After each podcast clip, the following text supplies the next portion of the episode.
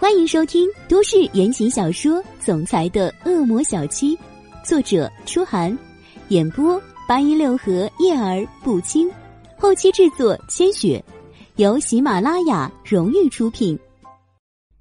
第八十一集，行到半路，伊森的电话就响了。挂了电话，他面色凝重的看了叶子熙一眼，犹豫了一下，才对荣寒生说道：“老大，他们已经到了。”叶小姐不在那里，但是那张椅子在，上面放了一张纸条。闻言，荣寒生和叶子熙都瞬间转脸看向他。伊森接着说道：“纸条上说让我们去南郊那边，经纬路十六号，带一千万现金。南郊。”荣寒生皱眉低声重复。这时，叶子熙扬起眸，不理解的看着他：“荣叔叔。”他们为什么要这样啊？为什么还要换地方？故意制造心理压力。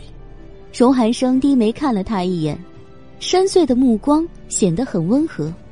叶子熙似懂非懂的点了点头，又一想说道：“既然开始要钱了，那我们是不是只要把钱给他们，妈咪就能回来了？”对，荣寒生答得笃定。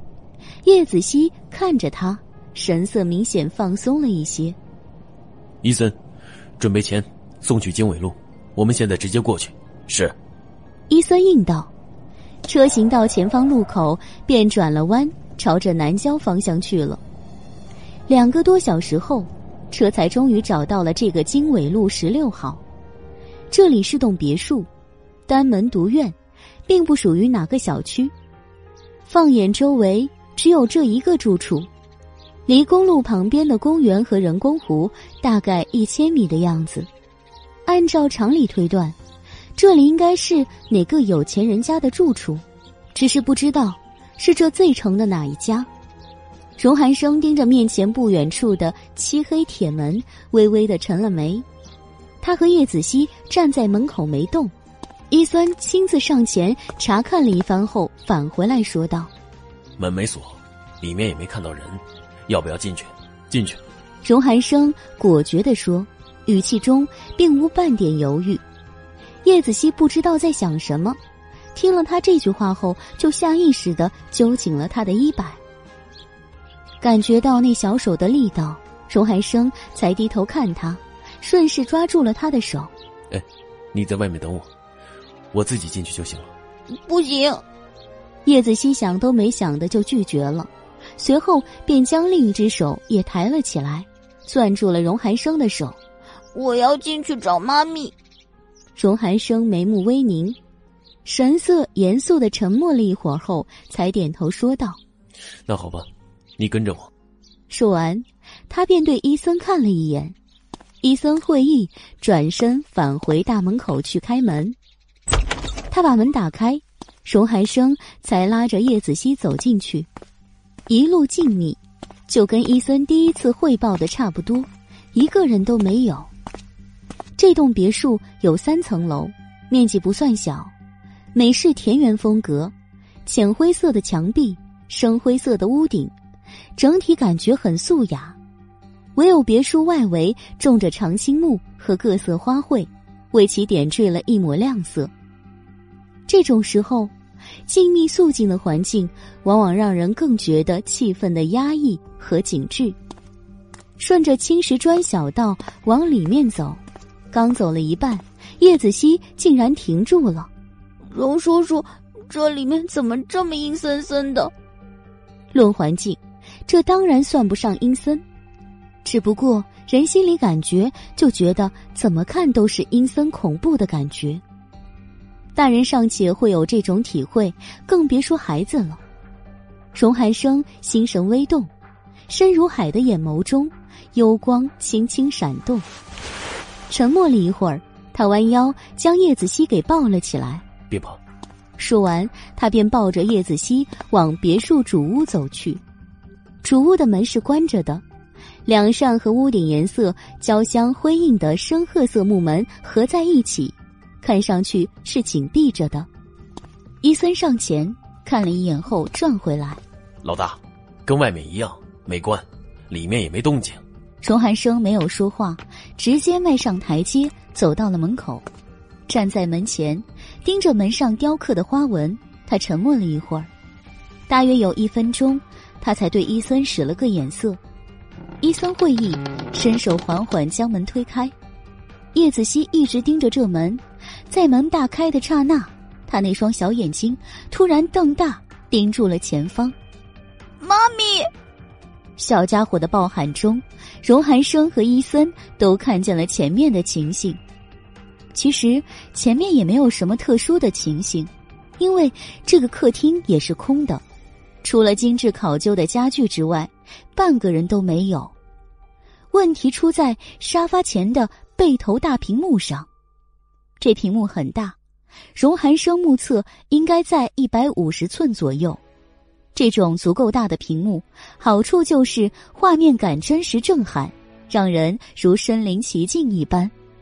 此时，站在门口的三人就像被画面上的内容给震撼了，尤其是叶子熙，几乎在看到这画面的瞬间就撇了嘴，要哭了。妈咪，妈咪，妈咪！他不安的叫着，双臂却紧紧的搂着荣寒生的脖子。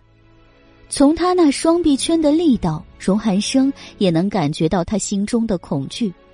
沉了沉眉，荣寒生低低开口，喝住了叶子熙：“子熙，别叫。”嗯嗯。叶子熙闷闷的呜咽了一声，转脸可怜兮兮的看看荣寒生，将小脑袋朝他身上靠紧了一些，这才没有再对着屏幕喊。大屏幕上显示的正是叶朵朵，她的样子跟昨天荣寒生在叶子熙手机里看到的差不多，依旧被绑，依旧用黑胶布绑着眼睛和嘴巴，她也依旧在挣扎。脖颈处虽然没有刀在抵着，但是那受了伤的地方依然有一道道粗粗的血迹，一直蔓延到他的胸口。那些血迹已经干涸了，变成了暗红色。衬得他的脸越发的白。叶朵朵被绑的姿势几乎跟之前是一样的，唯一不同的是，昨天她在挣扎，现在她被绑在椅子上，动都没动，脑袋也是耷拉着的。说句难听的话，叶朵朵现在这个样子，让人根本不知道她到底是死的还是活的。画面无声的定格在荣寒生眼前，盯着看了一会儿。他又低头看了看紧贴在自己身上的叶子熙，正在沉默间，外面有人急匆匆的跑了进来。老大，钱提到了。两个人提了三个箱子进来，荣寒生点点头，示意他们将箱子放在了沙发上。做好了准备后，他才对伊森说道：“带人四处看看，有没有人。”是。伊森短促的应了一声之后，就抬手一招，叫了几个人跟着他搜寻。先是一楼，然后是二楼、三楼。大概过了十来分钟，地毯式的搜寻结束。伊森从三楼跑下来，手里扬着一个东西，对荣寒生喊道：“老大，你看这个。”荣寒生瞬间皱眉，盯着伊森的手。等伊森跑来跟前时，他才看清那是一串手链。黄绿的，他在叶朵朵手上见过。这是在三楼的一个房间里找到的，就放在桌上。手链下面还压着一张纸。这个，伊森将纸条递给荣寒生，荣寒生一手抱着叶子熙，一手接过纸条，扫了一眼，便对伊森使了一个眼色。伊森会意，立即转身走向那个背头。纸条上说，背头下面的电视柜抽屉里有东西。让他们取出。伊森奔过去之后，很快就从那个电视柜里取出了东西来，一个比手稍大的方盒子，大盒子里还嵌套着一个很小的盒子，看上去和女人装戒指的首饰盒那么大。小盒子里有什么？伊森没急着去看，他先拿起了跟小盒子一起放在大盒子里的一只小型录音机。老大，就这些。伊森扬着手。荣寒生抬步走过去，随手接过了录音机。他看了几秒后，摁下了那个红色的按钮。很快，录音机里便有声音传出：“荣先生，你好，很高兴你能来到这里，本人表示极度的欢迎。如你所见，叶朵朵现在在我的手里。如果你想救她，请仔细听我后面的话。这个人做了个提示，停了一会儿，又说道：“第一，准备好钱，过半个小时会有一辆面包车开过来，把钱交给开车的人。注意，不要为难人家，他什么都不知道，只是一个路人。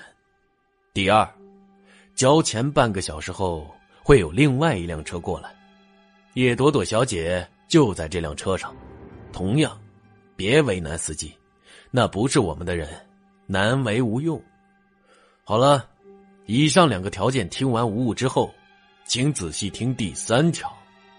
一般放在最后的也是最重要的，所以这时候房中的人都屏住了呼吸。两秒后，录音盒里传来：“现在把小盒子打开，里面有一颗药丸，你吃下去，记住，必须是你自己。”别人不行。这个屋子里有监控，你们现在的一举一动都在我们的眼里。放心，这个东西不会致命，只会让你难受那么一阵子。荣先生也知道，干我们这一行的，凡事都得小心谨慎。这么做只是想让你老实那么几天。这几天里，我们会带着钱离开。等我们平安离开 Z 城，自然会有人送上解毒药物。保证荣先生不会出现性命危机。当然了，这一条是强制性的。如果这一条不办到，以上两条等于作废。叶小姐会怎么样，我们就不好说了。好了，我说完了，荣先生自己考虑。录音的最后是这男人奇怪又狂似得意的笑声。老大，这是通过变声的。伊森皱眉道：“荣寒生没接话，只将那不足掌心大的录音机又放回了伊森手上的盒子里。没等伊森再说什么，他便伸手将那只小盒子取了过来。一个深褐色的小盒子，做工很精致，指尖一触塔扣上的按钮，那盒子就弹开了。荣寒生拿出盒子里放置的小药丸，伊森惊叫了一声。”老大，你别乱来。这是一粒看上去很普通的白色药丸，跟小朋友吃的糖豆差不多大小。荣寒生将它捏在指尖看着，神色淡淡，看不出心思。老大，伊森有点着急，又跟着说道：“这样的话您不要相信，谁知道这是什么东西？您可千万别涉险啊！”伊森说完，周围的人也都是一脸焦急的看着荣寒生。但是，荣寒生仿佛没听见，也没看见他手下人的焦灼之态，他只是捏着药丸，看向了叶子熙。对上荣寒生清冽如莲的目光，叶子熙脸上也显出了一抹惊慌。荣叔叔，你，子熙，这件事你怎么看？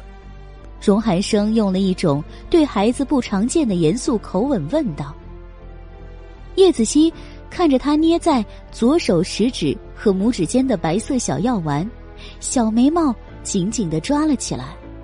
我觉得这个很危险啊！那些人都是坏蛋，他们的话怎么能信呢？万一到时候他们自己拿着钱跑了，又不给你送解药，那可怎么办？”他的两条手臂。还挂在荣寒生的脖颈上，肌肤相贴的地方，他能感觉到荣寒生温热的体温。犹豫了一会儿，他又开口说：“荣叔叔，要不然不要吃了。”那你妈咪怎么办呢？这里可是有监控的。荣寒生仰脸在房中微微扫视了一圈，叶子熙跟着他的动作转头四处看了看。最后，将目光定格在前面的背头上。妈咪，叶子熙很难过的喊了一声，小眼睛里又蒙上了一层雾气，仿佛马上就要哭出来了。子熙，我们赌一次好不好？嗯。叶子熙大眼闪闪，那点淡淡的水汽让他的眼眸显得格外的晶亮，荣叔叔，你真的要吃下去吗？我赌这个东西不会真的要了我的命。荣寒生说道，左手微微的扬了一下，让那只药丸完整的呈现在叶子熙的面前。叶子熙紧盯着药丸，小眼睛里第一次显出了与他年龄不相符的凝重感。荣叔叔，他喊了一声，刚想说话，却只见荣寒生的手一扬，突然将那药丸丢进了嘴里。老大，荣叔叔，伊森在旁惊叫，叶子熙也惊声喊了出来。但这个时候，荣寒生却朝他微微勾了勾唇。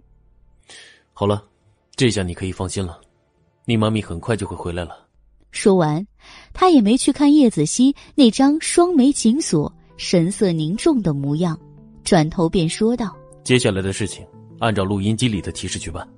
可是，老大，您……”伊森脸都黑了，完全不相信这么不靠谱的事情，荣寒生也办了。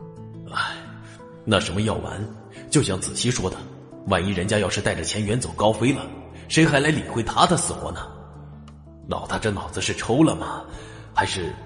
不，这叫关心则乱。太在意叶小姐的生死了，才会这样明知不可为而为之。伊森神色纠结，荣寒生见他不动，却沉了脸。照我说的办，一切等朵朵回来再说。荣寒生脸色一沉，用了少有的严厉口吻。他的脾气，手底下的人都知道。伊森张了张嘴，终究没再说什么。事情安排好了。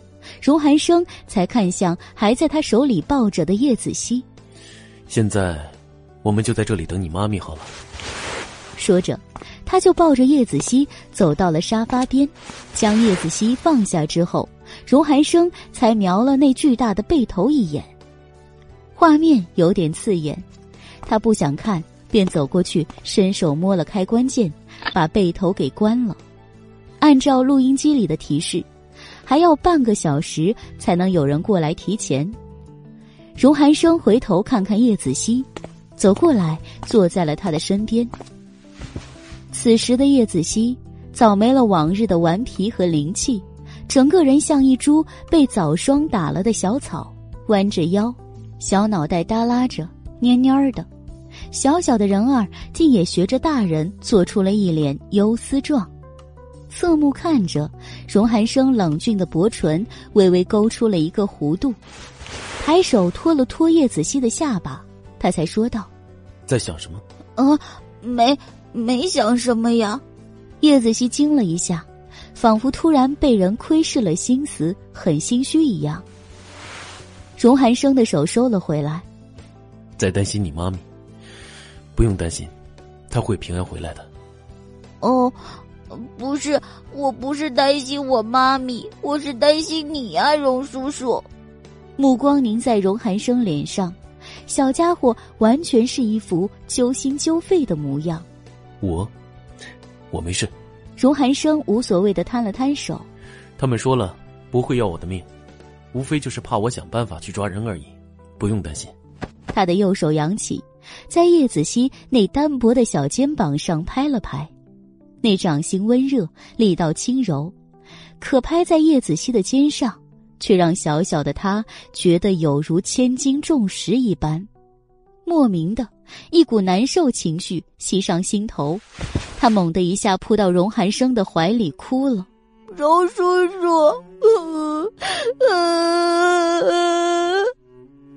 见他哭成这样，荣寒生有点心疼，刚想开口。却突然觉出了一股不对劲儿来，疼痛，一股强烈的疼痛席卷而来，巨浪一样的在两秒内就将他彻底淹没。这种疼痛的感觉很奇怪，是他从未体验过的，说不清这疼是从哪里起的，只觉得仿佛在一瞬间，全身每个细胞都在疼，疼得钻心，疼得连他这种忍耐力极好的男人。都忍不住要喊叫，但是他没有叫出声，而只是在疼痛刚起的那个瞬间，没忍住闷哼了一声，随即便咬了牙，没有发出半个音符。荣寒生这一声闷哼惊了叶子熙，他慌忙从荣寒生怀里爬了起来，紧张的盯着他：“荣叔叔，你你怎么了？”这一声询问，荣寒生没理会他，只是抬眼看了叶子熙一眼，那一眼让叶子熙瞬间揪紧了心。他从没见过荣寒生这副样子，脸色惨白，牙关紧咬，整个脸的线条又紧绷又扭曲，说不出来的恐怖。荣叔叔，他又喊了一声，想去触摸，又不敢去碰。而这个时候，荣寒生已经疼到不能支持普通的坐姿了，他朝后面倒了过去，歪在了沙发上。伊森等手下人见状，立刻围了过来。哎，老大，你怎么了？荣寒生同样没有吭声，只看了伊森一眼，之后，整个人就突然从沙发上滚了下来，砰的一声跌在了地上。老大，荣叔叔！几声惊呼同时响起，伊森等不及荣寒生说什么，便立即果断的说道：“一定是那什么鬼药丸有问题，这样不行，老大，我们马上送你上医院。”说着，他就蹲下想把荣寒生扶起。这时候，荣寒生却突然伸手死死的按住了他的肩膀。那指尖几乎都嵌进了伊森的肩膀里。等。荣寒生颤抖的语声只说了一个字，伊森明白，他的意思是等叶朵朵回来。但他现在怎么能执行这种命令呢？这要是真的出了事怎么办？心念电闪，伊森张口就说道：“不行，老大，你这样子还怎么能等个把小时？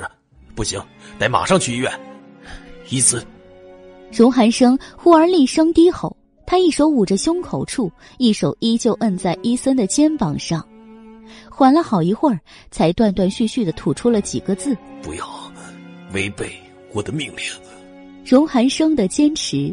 让伊森很无奈。感谢您收听都市言情小说《总裁的恶魔小七》，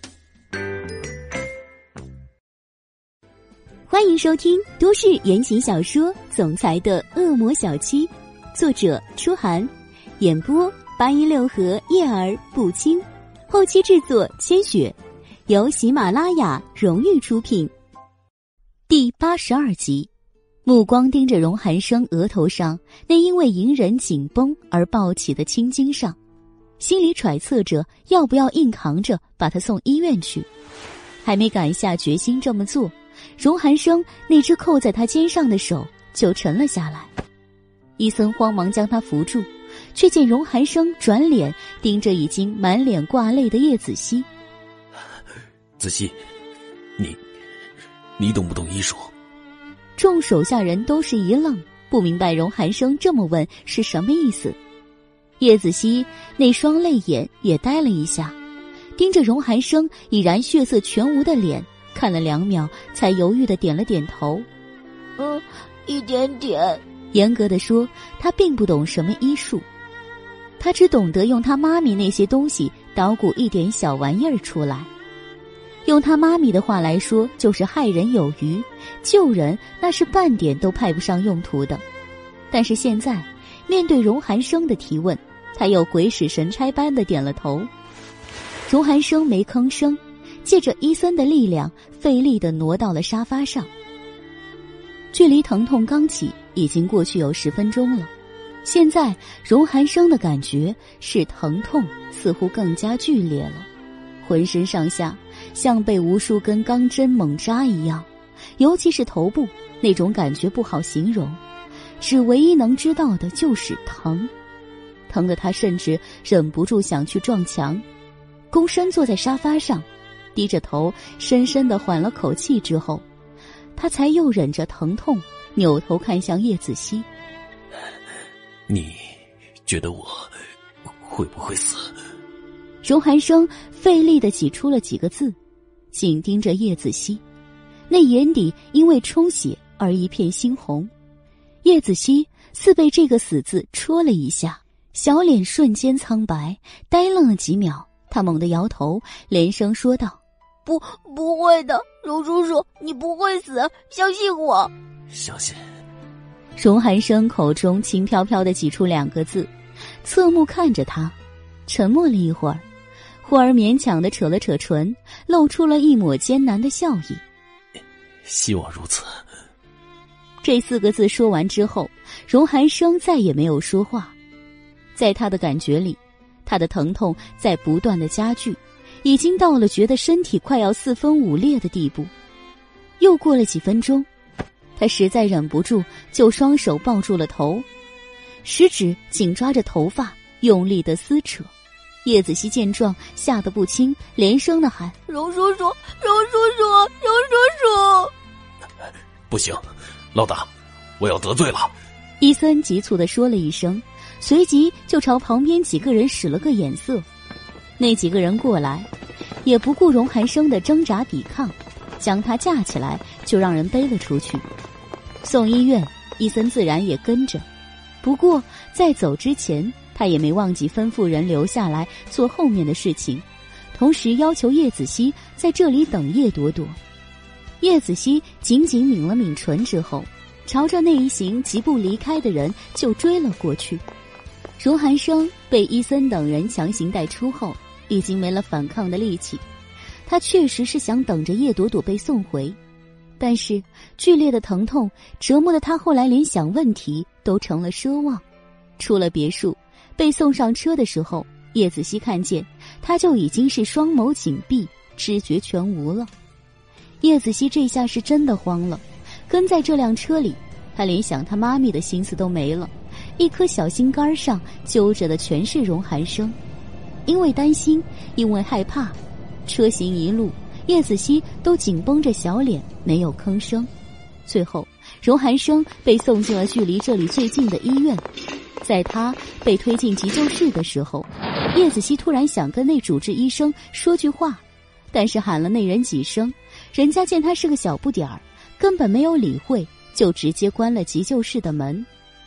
这次等待的过程，可谓是叶子熙长这么大以来感觉到最折磨人的时候。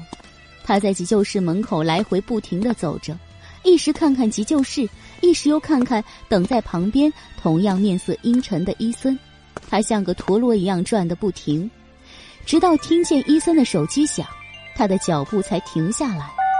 伊森的电话也没接多长时间，不到一分钟就挂断了。挂断之后，伊森捏着手机对叶子熙说道：“你妈咪被人送回来了，人还昏着。”现在正在送回你们家的路上，妈咪，叶子熙喊了一声，愣了两秒后，又揪紧了小眉毛，看向了急救室紧闭的大门，盯了一会儿，他又转脸过来看向伊森，伊森叔叔，荣叔叔不会有事吧？我怎么知道？伊森接得很快，暗沉的眉目间凝着显而易见的不悦。叶子熙知道，伊森这在怪他呢。怪他和他妈咪事儿太多，硬生生的把荣寒生拖成了这样。这不能怪伊森迁怒于他，事实上，现在他也深深的怪自己。对上伊森略显阴冷的目光，叶子熙低下了头。伊森盯着眼前不远处那只毛茸茸的脑袋，心里堵了一口气，却也不敢真的将怒气撒在这孩子身上，毕竟。他家老大现在视这孩子如宝，作为手下，他至少也该呵护着。想了想，他才强压了心头的不快，没再说什么。两人就这么僵持的站了一会儿。伊森看着叶子熙，又有了新的想法。那念头冒出来没一会儿，他就转身叫了一个人来，吩咐道：“把他送回叶家去。”闻言，叶子熙惊了一下，立即抬眼瞪着他。我不走，我要等荣叔叔醒来。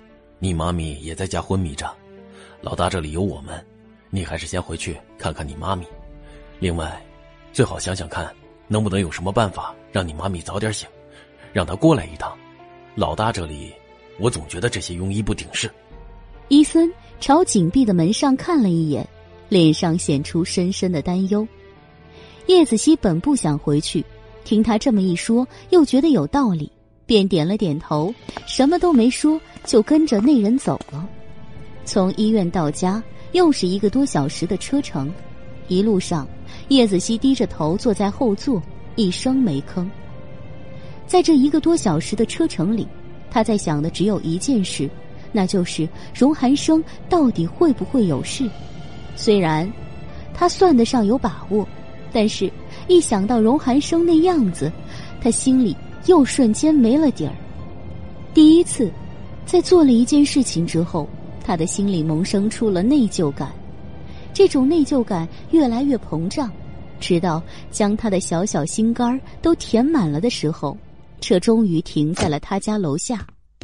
上楼开门，刚进去就听到里面有响动。妈咪，叶子熙惊了一下，慌忙抬步跑进去。如他所料，叶朵朵醒了，刚从床上起来，那双脚还在地上划拉着拖鞋。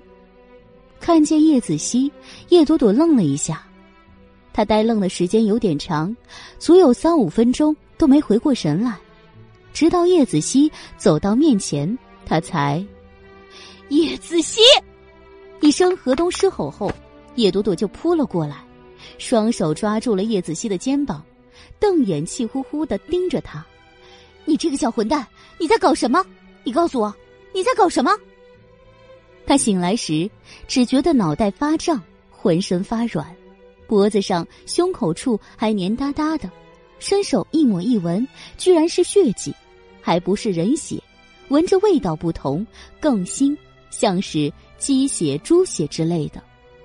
叶朵朵稀里糊涂的，不知道发生了什么，敲了敲脑袋，想了半天，才回想起昏迷之前的事情来。昨天晚上。叶子熙说：“他要喝鲜榨果汁，自告奋勇的自己动手。这种事他以前干的多了呀。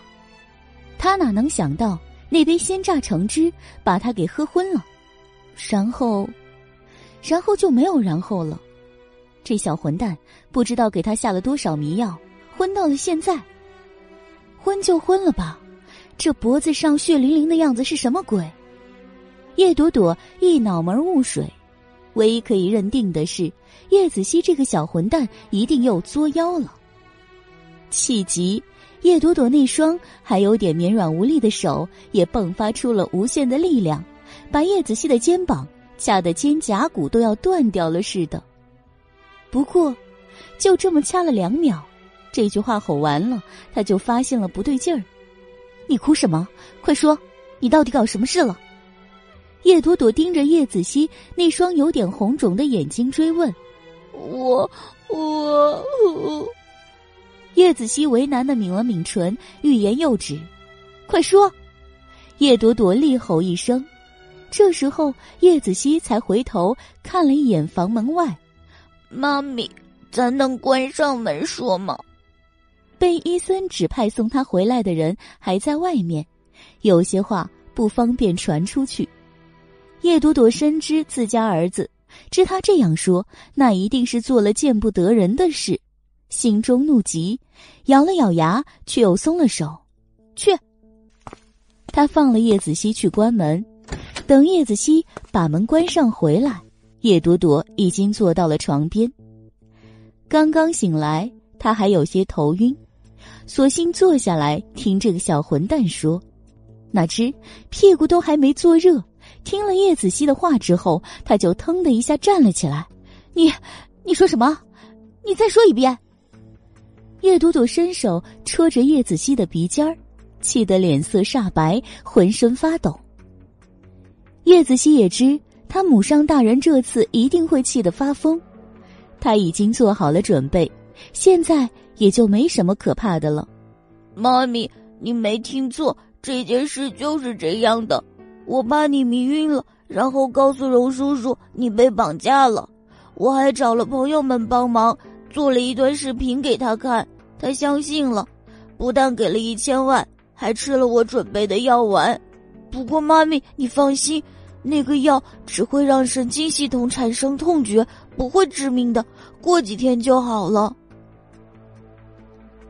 叶朵朵现在唯一的感觉就是想冲上天，揪着上帝的头发问问他，为什么要把叶子熙这样的小混蛋送给他做儿子？妈咪，你闭嘴，别叫我！叶朵朵怒吼，倏地扬起巴掌，对着叶子熙那张小脸就扇了下来。叶子熙倒是没躲，但那巴掌也没落在他脸上，而是在快挨到他脸的时候，变成了拳，狠狠的又甩了回来。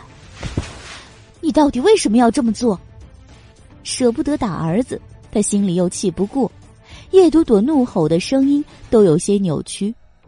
叶子熙瞄了一眼他甩下去的那只手，沉默了两秒，小腰杆挺直，说道：“妈咪，我知道，他是我爸爸了。”震惊挂在叶朵朵脸上，他瞪大眼睛，仿佛从未认识过自己的儿子。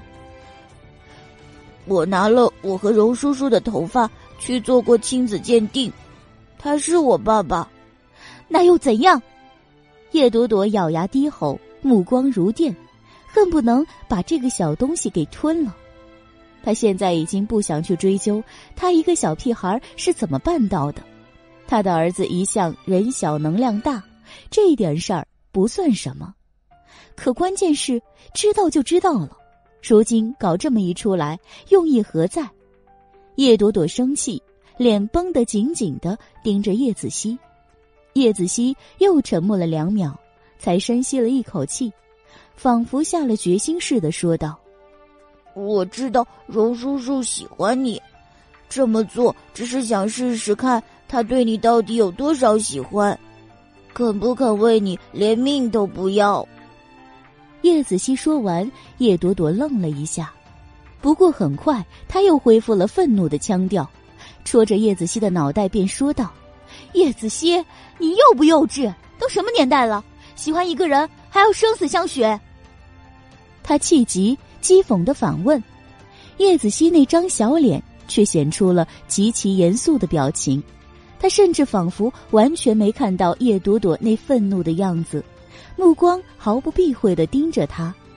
稚嫩的声音朗朗的说道：“我不觉得我幼稚，你是我妈咪，就是我最重要的人。我也看得出来，你也喜欢荣叔叔。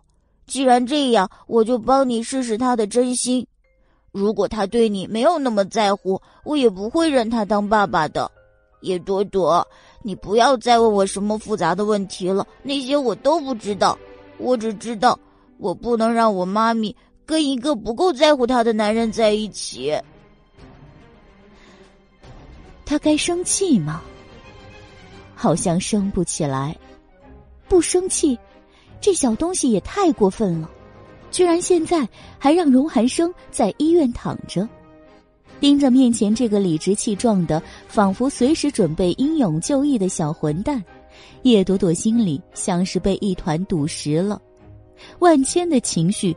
不知道如何发泄，正想着，就听叶子熙又说：“妈咪，我这么做还有一个理由。”说，叶朵朵没好气的吼了一声，目色严厉如刀锋般的盯着叶子熙。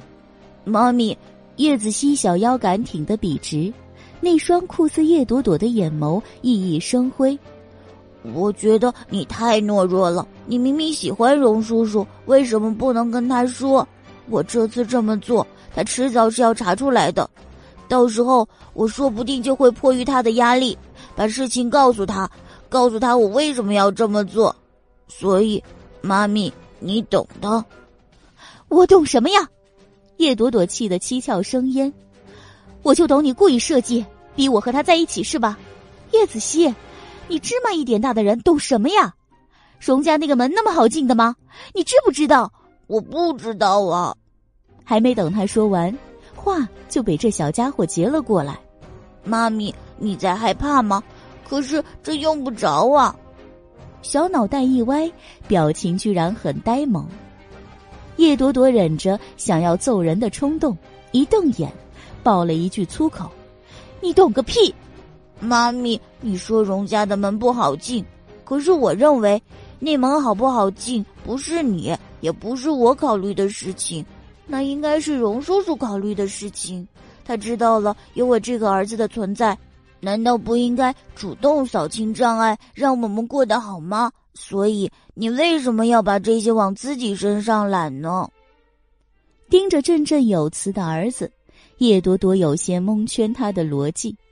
不过等他回过神来，叶子熙来了一句总结成词：“世上本无事，庸人自扰之。”哦，庸人，你居然说我是庸人！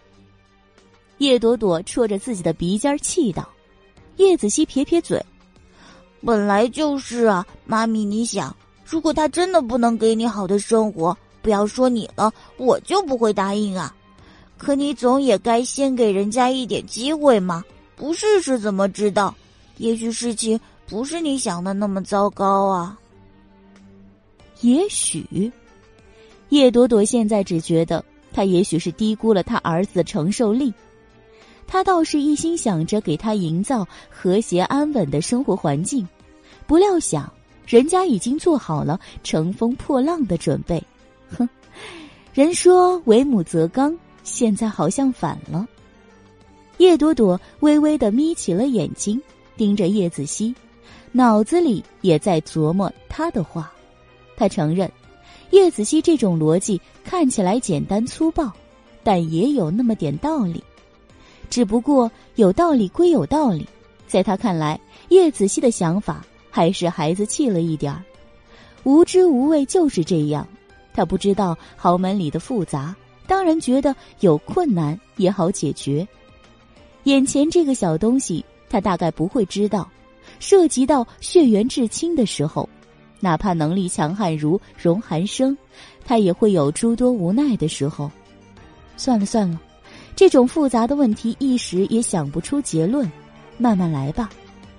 一时做不了是或者否的果断决定，叶朵朵又鸵鸟的把这个选择题先放下了。感谢您收听都市言情小说《总裁的恶魔小七》，欢迎收听都市言情小说《总裁的恶魔小七》。作者：初寒，演播：八一六和叶儿不清，后期制作：千雪，由喜马拉雅荣誉出品。第八十三集，目光一瞪，叶朵朵才冲叶子熙说道：“好了，我现在不想跟你扯这些，你现在告诉我，荣寒生到底怎么样了？你给他吃的是什么东西？确定不会要命吗？”叶子熙平常捣鼓的那些玩意儿，他很少关心，根本也不知道他手里到底有什么。听他一问，叶子熙连忙点头如啄米：“嗯，我保证不会的。那个药只会刺激痛觉神经，让他觉得很痛而已。过几天就好了。过几天？”叶朵朵惊叫：“你的意思是要疼上几天？”“呃，三三。”不不不，第二天就不那么疼了。叶子熙，你叶朵朵忍无可忍的伸手在叶子熙的脑门上狠狠戳了一下。嗯嗯，妈咪，你是心疼龙叔叔吗？叶子熙揉着脑门问。叶朵朵瞪了他一眼，忽而又冲他咧嘴一笑。我是担心你的小命，叶子熙，我保证。他要是知道这事儿是你干的，一定会扒了你的皮。我是他儿子耶，你给他下药的时候想过他是你爹吗？叶朵朵心里着实有些生气，气这小子胆子太肥，一个人搞出这么大的事情，更气他下手太狠。要是真心也就算了，还非要折磨荣寒生几天吗？想到这里，叶朵朵的心一沉。没好气的剜了叶子熙一眼之后，懒得再说什么，转身出门就奔卫生间去了。叶子熙小眼睛一转，随后跟了进去，压低了声音告诫：“妈咪，你的脖子要用东西遮一下，鸡血可以擦掉，可是没有伤痕的话，他们会发现的。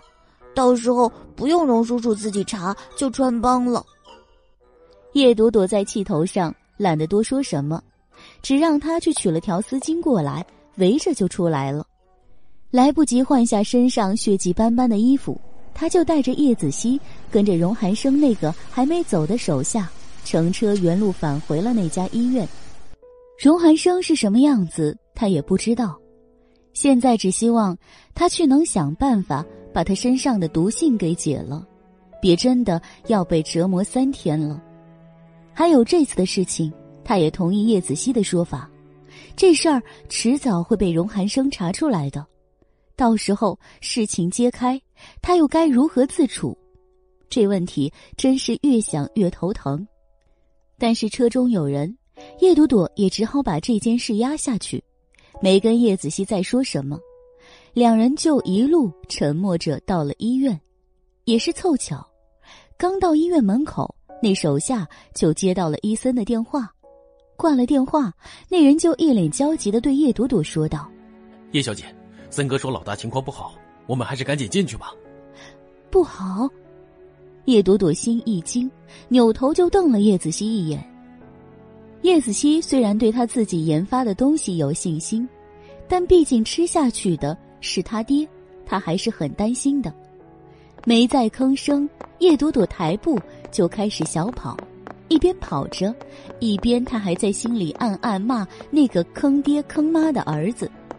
这也不知道是给他下了多少迷药，现在头还有些发昏，跑起来人都发飘，伴着心里的骂。叶朵朵一路小跑的到了急救室所在楼层，到的时候，急救室的门已经大开，伊森正站在门口跟医生说什么。见他来了，伊森才急忙迎过来：“叶小姐，你醒了真是太好了。医生说老大是中毒了，但是他们这里治不好。你看现在这可怎么办？怎么办？他连那药物成分都还没弄清，能知道怎么办？”看着伊森焦灼的脸。又朝急救室里那个躺在病床上人事不省的荣寒生看了一眼，叶朵朵心里有些烦躁，目光收回，他便说道：“这里条件太差，先转院，我再想办法。”当初送来的时候是就近的原则，这个医院基本属于城乡结合部那种二级医院，医疗器械、药品各个方面都跟不上。叶朵朵想的是，叶子熙保证了不会出人命，他就别急着追一时半刻了，先把人挪去条件好的大医院再说。嗯，如果他还想不出办法，还可以问问袁木，他刚好是神经科的专家。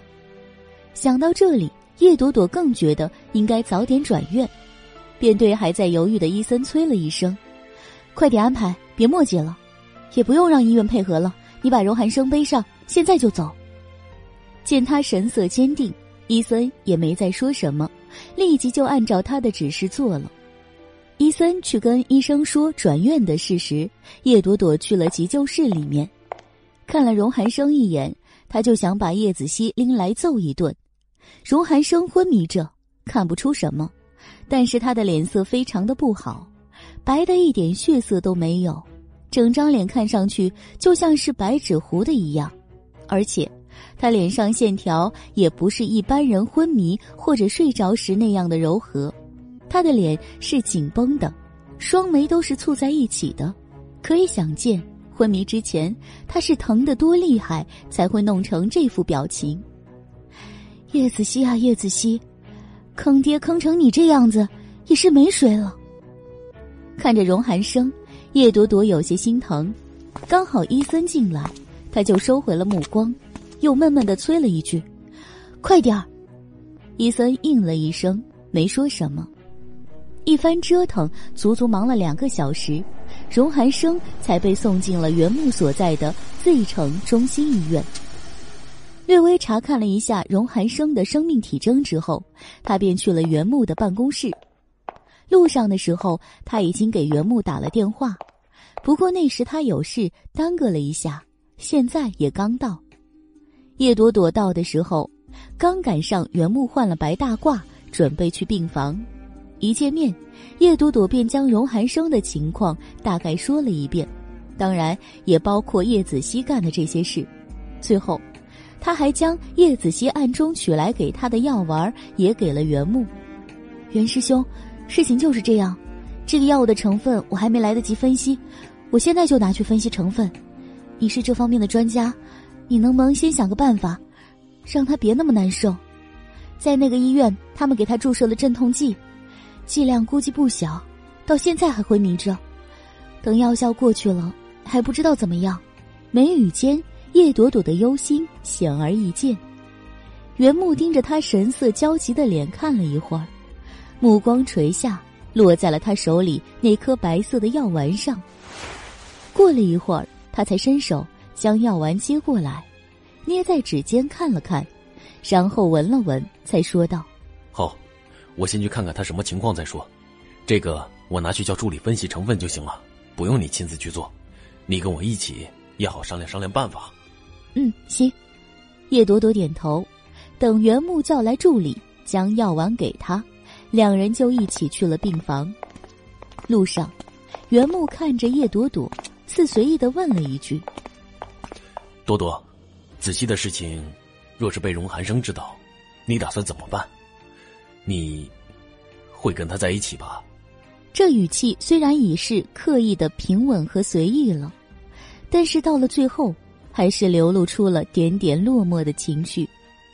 叶朵朵脚步微微一顿，仰脸看了看他，想了一会儿，才说道：“也许吧，还没想好。”叶朵朵不想多谈论这样的话题，说完，他就低下了目光，闷着头往前走。袁木侧目看着他，眸色悠悠一沉后，突然又笑了笑：“ 子熙这胆大的毛病，真是越来越厉害了。”敢给荣寒生下套，真不知道荣寒生醒了之后会怎么修理他。叶朵朵抬眸苦笑，他怎么修理那个小混蛋，我都懒得管了，活该。这话说完，过了一会儿，他的脸色又突然严肃了不少。对了，袁师兄，你要跟你那个助理强调一下，让他验仔细一点。叶子熙那个小混蛋之前已经把成分告诉我了，但我有点不相信他。这都不知道是什么时候捣鼓出的玩意儿，谁知道他是不是记得那么清楚？你跟助理说，看仔细，哪怕占比例再小，只要存在的都要列出来。这我知道，放心。袁木温言说道。叶朵朵看了他一眼，点了点头。到了病房，叶子熙看到袁木的时候，精神还是样样的，毕竟他妈还在气头上。他爹也还躺在床上，人事不省，他哪里还有精神玩笑？相关的检查都做完之后，袁木便一脸严肃的告诉叶朵朵，在荣寒生的血液分析报告和药丸的成分分析报告都出来之前，他没有确切的诊疗措施，现在唯一能做的就是想办法给他镇痛，这个要等他醒来之后，是他自己忍耐能力而定。毕竟，再高级的镇痛剂对神经系统都是有伤害的，而目前来看，荣寒生并没有生命危险，这种情况下就没必要下猛药去镇痛了。听袁木这个神经科专家都这么说，叶朵朵的脸又黑了。看向叶子熙的时候，叶子熙甚至都觉得，他妈咪这次要因为他爹这件事恨上他了，恨就恨吧。如果这次之后能让他们好好的在一起，花好月圆，他能有个完整的家，那也是值得的。叶子熙心里这么想，可看到荣寒生那副样子，他也还是不免揪心，以至于最后叶朵朵嫌他在病房来回晃的烦，干脆把他赶回家去了。这天到了晚上七八点的时候，荣寒生终于醒了，药效过去。他是被疼醒的，所以刚恢复一点，还没睁开眼，他就在床上开始挣扎。叶朵朵一直坐在床边，见他稍稍一动，他的神经就绷紧了。起初，荣寒生的挣扎幅度并不大，但是随着意识的慢慢恢复，他的疼痛感也越来越强烈，没一会儿的功夫就开始踢被子。手臂也抬了起来，胡乱的抓挠着。叶朵朵站起，坐到床边，伸手就将荣寒生的手攥住。荣寒生，荣寒生，喊了两声，荣寒生才缓缓的张开眼睛，盯着叶朵朵看了几秒，他才开口：“你没事了。”疼痛折磨之下，他原本低沉微磁的嗓音变得干涩飘渺。叶朵朵的手不由得将他的手抓得更紧，张口极深的问道：“你怎么样了？还能撑得住吗？”我，叶朵朵那句话仿佛是提示一般，让荣寒生立即皱紧了眉，沉沉的粗喘了两口气，他才说道：“不好，快痛死了。”说这话的时候，他的另一只手抬起，抚着自己额头。叶朵朵眼看着他痛苦的样子，目光悠悠一沉，随后将原木的诊断结果告诉了荣寒生。说完，他又停了一会儿，又微微皱眉说道：“不行的话，我给你打一针镇痛剂，不过这只能稍稍缓解。这个东西剂量太大，会伤了神经。”解释完，他便看着荣寒生，征询他自己的意见。荣寒生却仿佛没听见他这说话一般，扭头瞧了瞧另外一边，又看了看别处，突然问道：“子熙呢？”他回家了。叶朵朵语声含怒，荣寒生看着他，本有些话想说，但是话到了嘴边，他又咽了下去，只勉强的扯了扯唇。扯了个叶朵朵觉得比哭还难看的笑容出来，他也吓坏了。你没事就好，他也不用操心。他是不用操心了。提到叶子熙，叶朵朵这当妈的就一肚子气。听荣寒生这么说，就没好气的回了一句。荣寒生看着他，目色悠悠，大概是疼痛感强烈，他也没再说什么。而是闭上了眼睛，攥紧了拳头，粗重急促的喘着气。看到这里，叶朵朵心头像被什么狠狠的堵了一样，说不出的难受。人说患难见真情，他不知道他现在的感觉算不算，反正就是很心疼的感觉。这么看了一会儿之后，他有些受不了这种堵心的感觉。打算将手抽出来，起身去给荣寒生找镇痛剂，可是他的手刚一动，就被荣寒生摁紧了。疼成这样，他的力气还不小。叶朵朵无语，身形不再动，盯着他看着。扶我起来，荣寒生说。叶朵朵瞬间皱了眉，本想说什么，又一想，也许他觉得起来更舒服一点。这样一想。他便把话咽了回去，起身先将病床调高，然后才过来将他扶了起来。这样怎么样？好点？他话还没说完，荣寒生那只手竟绕上了他的腰间，将还弓着身帮他整理被子的叶朵朵给圈到了他自己身边。跌下来，碰到荣寒生那坚实的身体时候，叶朵朵的内心是无语的。这都什么时候了，还不能消停吗？让我抱着，会更舒服。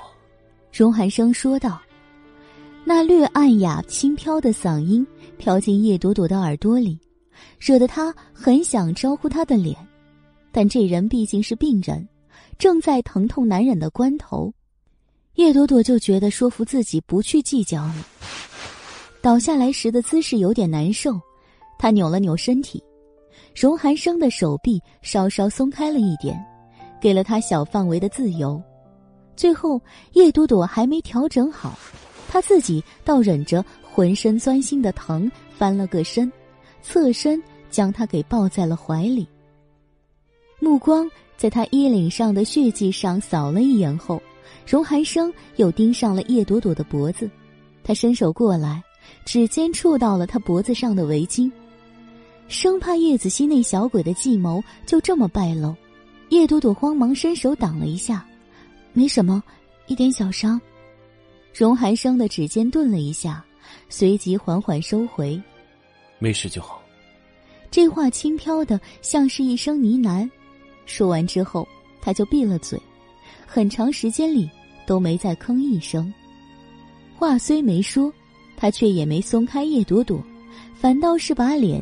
贴在了他的胸口处，紧紧的靠着他。这姿势，叶朵朵想起了叶子熙小时候睡觉的样子，心中某处一软，她也放弃了挣扎，就这么任由自己躺在他身边，由着他用这种他觉得很有效的方式来缓解疼痛。朵朵，过了许久。脸未抬起的荣寒生突然溢出了一声轻唤，叶朵朵心弦一震，过了一会儿才嗯了一声。听见他的回应，荣寒生才说道：“如果我一直不好，你是不是一直这么听话？”叶朵朵双眸瞪大，低眉看着贴在自己怀里的某个人。叶朵朵的心理路程是这样的：靠。他这是在借生病，占我自己的便宜呢！不但占了，还死不要脸的明白无误的说出来，还想长期占着。嗯，叶子熙，你干的对极了，你爹就是这种五行欠拍。想到“欠拍”这两个字，叶朵朵那手也没闲着，就真的抬了起来，像拍叶子熙一样，在荣寒生的脑袋上轻拍了一下。做白日梦没好处，你还是想想。怎么咬牙忍过去吧？嗯，不是有人说给我送解药吗？没有。解药？叶子熙汇报他的计划时没说那么详细，所以现在叶朵朵一听也是懵逼的。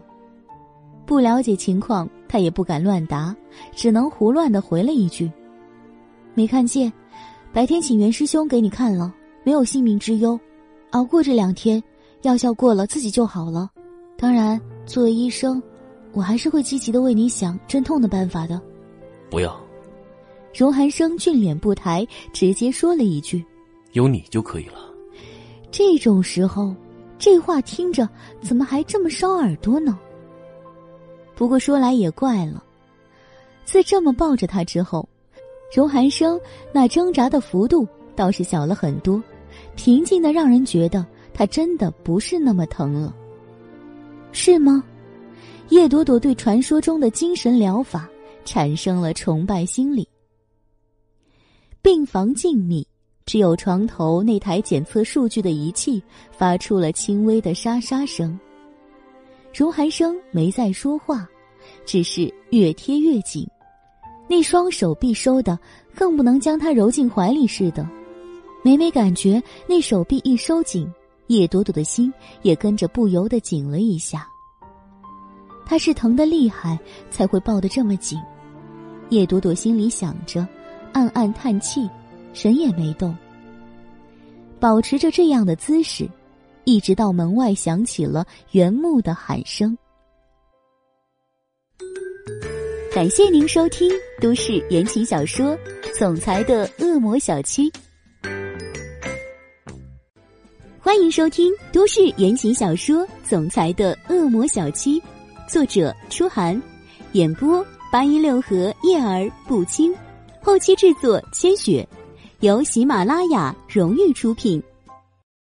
第八十四集，朵朵听见这一声，叶朵朵惊了一下，紧贴着他的荣寒生也惊了一下，他瞬间扬起脸，目光中染着赤裸裸的不高兴。刚看到床上两个抱在一起的人时，袁木的脸色也是极其难看的。但是，他是个很有涵养的人，看了一眼之后，他便转了身，对着前方的空气说道：“朵朵，你出来一下，我有事跟你说。”在叶朵朵的认知里，袁木不是那种爱故意找别扭的人。他看到了这一幕，还站在这里说这样的话，那肯定是真的有事。所以他挣开了荣寒生的手臂，没看他那双阴郁不悦的眼眸，起身就朝门口快步走来了。见叶朵朵走出，袁木也往外面走了几步，站定后，他才对叶朵朵说道：“朵朵，我刚刚接了一个任务，必须马上去一趟 M 国，这边的话我就不能参与了。”你要走？叶朵朵很惊讶，袁木点了点头：“是啊。”刚刚接到上头的命令，我跟上头说我有事想缓两天，上头都不同意，这是真对不起啊。哦，没事。叶朵朵嘴里说着，语气却明显有些失望。袁木是神经科的专家，虽然说荣寒生现在的情况还不算糟糕，可有他在旁边做应急，总归是好一点的。只是，人家也有人家的事情，都说了推脱不掉，他再勉强也不好。想了想，他便说道：“那你去吧，这边大概也没什么，熬过这两天就好了。”袁木沉默了一会儿，幽沉的目光落在叶朵朵脸上。过了一会儿，他才说道：“那行，我让助理多照应着点儿。你有什么事再给我打电话。飞机就是今天晚上的，我得马上走了。”嗯，叶朵朵没再说什么，冲他笑了笑。临动步的时候，袁木朝门里面看了一眼，见荣寒生也正朝他这边盯着，他也微微皱起了眉。目光收回，他才语气凝重的说道：“朵朵，你自己也要注意休息，别太累，知道吗？”“我知道，谢谢你，袁师兄。”说这话，叶朵朵也回头朝门里看了一眼，脸转回来，他便说道：“袁师兄，你快走吧，别耽误了飞机。”“好。”袁木没再说什么，最后看了一眼病房，迈步走了。叶朵朵站在原地。目送着袁木，直到他的背影消失在电梯口，他才转身回到病房。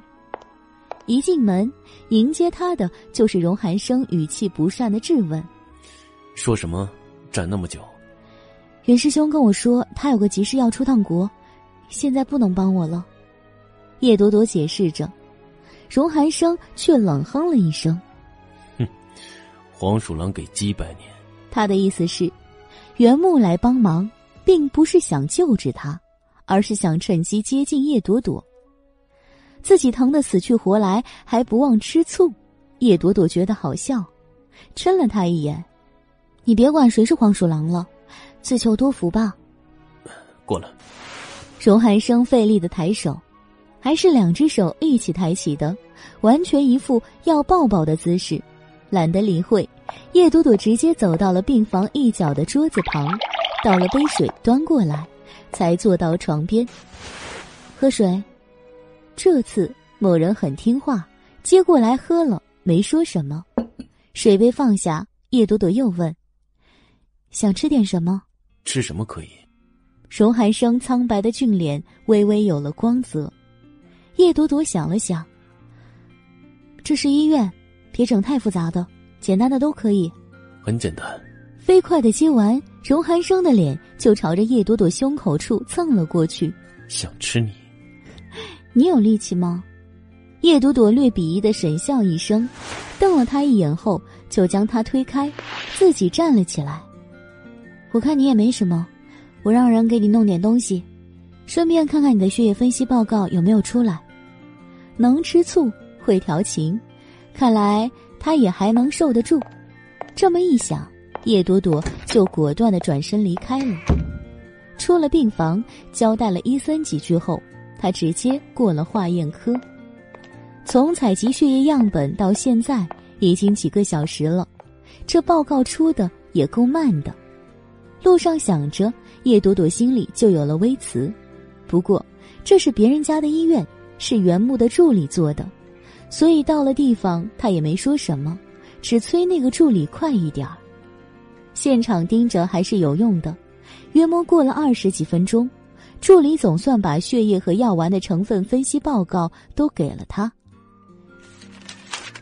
叶小姐，报告在这里。袁主任临走的时候交代，让我好好配合着你，你有什么事情就吩咐我做吧。助理的态度很好。但叶朵朵对他的工作能力很怀疑，所以听他这么说，也就淡淡的点了点头，嗯了一声，没说什么。拿回报告，他又去病房看了一眼，刚好碰见荣寒生居然在耍孩子脾气。伊森叫人买了吃的回来，哪知本该乖乖补充体力的某人却拒绝进食。叶朵朵去的时候，伊森正在旁边劝着，而床上那人。像一只蜷缩的龙虾一样缩在床上，背对着伊森，半句不理。这人怎么这么不省心呢？叶朵朵皱了皱眉，走进去，对伊森挥了挥手。见他来，伊森顿时松了一口气，瞄了荣寒生的后背一眼，故意说道：“叶小姐，你来了，太好了。”那只龙虾果然有了动静，转过身来，没等叶朵朵说什么，直接就说了两个字：“喂我。”哦，感情不是不想吃，而是不想自己吃，要人喂的。这么傲娇，你怎么不上天呢？叶朵朵没好气的瞪着他，一瞧他那额头碎发散乱、脸色苍白痛苦的样子，又想到这是自家儿子做的孽，既是叶子熙做的孽。她这个当妈的也只能勉为其难的给这个老男人当两天老妈子了。劝说自己完毕，叶朵朵就弯腰将荣寒生又扶了起来，随后端了旁边的碗。多大的人了，别跟叶子熙一样。我虽然很同情你，也很感激你为我弄成这样，不过荣寒生，我还是要警告你一句，人还是低调点好，得寸进尺的。容易招天谴。他舀起了一勺粥，吹了吹，送到荣寒生的唇边，一边嘴里还絮絮叨叨的念着。荣寒生一边喝粥，一边拿眼瞄着他的脸。等那香浓细滑的粥下肚，他才说了四个字：“机不可失。”胡赖，低嗔了一句，懒得再说。叶朵朵就闭了嘴。一碗粥喂完了。他起身想去仔细看看血液和药丸成分分析的两份报告，看看还能不能找到最快的解毒方法。哪知吃饱喝足的某人居然不让他走，又像刚才那样圈住他，报警，八爪鱼似的紧紧抓着，就是不放手。最后还说了一句：“叶朵朵，我是为你弄成这样的，你对我负责。负责，负责就负责吧。”自作孽不可活，这话也是说他的。就这样，又当了将近一个小时的抱枕，叶朵朵才感觉身旁的人越来越不对劲儿，荣寒生明显的越来越不安，喘息声也越来越粗重。有一段时间，他还松开了他，转到了另一边大口喘气，伸手揪着自己的头发。叶朵朵也亲自护理过病情危重、感受痛苦的病人。只是，面对荣寒生的时候，他觉得那些他以前拿来教导科室小护士的方法都不管用了。他现在自己都手足无措了。坐在床边看了一会儿，他便一咬牙说道：“你等着，我去给你打一针镇痛剂，先缓过这阵子再说。”说完，他就站起来，疾步跑了出去。镇痛剂是他亲自给荣寒生打的。第一针下去完全没有作用，甚至连荣寒生自己也说让他再打一针。叶朵朵这时候真想把叶子熙拎过来，把针管扎进他的屁股里去，叫他以后还坑爹。见荣寒生实在疼痛难忍，他又只好给他补了半针。这种东西一次的剂量有规定，超过是会出问题的。这半针补下去。终于起了点作用，药效起的时候，荣寒生就安静了许多。不过，在这药物的作用下，很快他就昏昏欲睡了。折腾完了这一波，都已经大半夜了。荣寒生安稳了，叶朵朵才去实验室研究那两份成分报告。虽然叶子熙说了，这种疼痛只会持续三天，三天后就会自行消退。但他还是希望能找到个捷径，早点解毒。这样程度的痛苦要折磨荣寒生三天，他觉得有点不忍。在实验室待到天亮，脑中刚刚有点头绪时，突然就有人急匆匆的跑过来叫他：“叶小姐，你快去看看，老大不好了！”见来人神色惊慌焦急，叶朵朵一惊，慌忙站起来：“什么不好？”老大刚刚醒了。疼得非常厉害，比之前还要厉害，森哥一个人都摁不住啊！叶小姐，你快去看看吧。怎么会这样？按理说，时间越长，疼痛越淡才对。何况昨天半夜打的镇痛剂那个分量，应该药效也没完全过去，还能管点用，怎么会突然疼的这么厉害？叶朵朵心里升起隐隐不安，不敢耽搁，抬步就跑向了病房。也是在这个时候，天没亮就醒了的叶子熙，因为放心不下荣寒生，也赶到了医院。他先于叶朵朵进了病房。本来还期望着能看到父母恩爱和谐的场面，却没想到看见的是荣寒生痛苦到失控的场面。柜子上的水杯、杂物等等散落一地，狼藉一片。伊森和另外几个人都在慌手慌脚的按着荣寒生，生怕他做出什么伤害自己的举动。目光穿过那几只胳膊，叶子熙看见荣寒生的脸。已经完全不是他印象中的那张脸了。这张脸扭曲、雪白，头发凌乱不堪，双眼死死的瞪着，眼底猩红，嘴巴也张着，时不时会发出受伤的猛兽般的嘶吼声。叶子熙被吓住了，连着往后退了两步，刚好撞到了急着跑进来的叶朵朵身上，转身看见叶朵朵。叶子熙慌忙抓住他的衣摆，妈咪，荣叔叔怎么会这样啊？我明明……叶朵朵低头冷冷扫了他一眼，拽开他的手，奔到床边。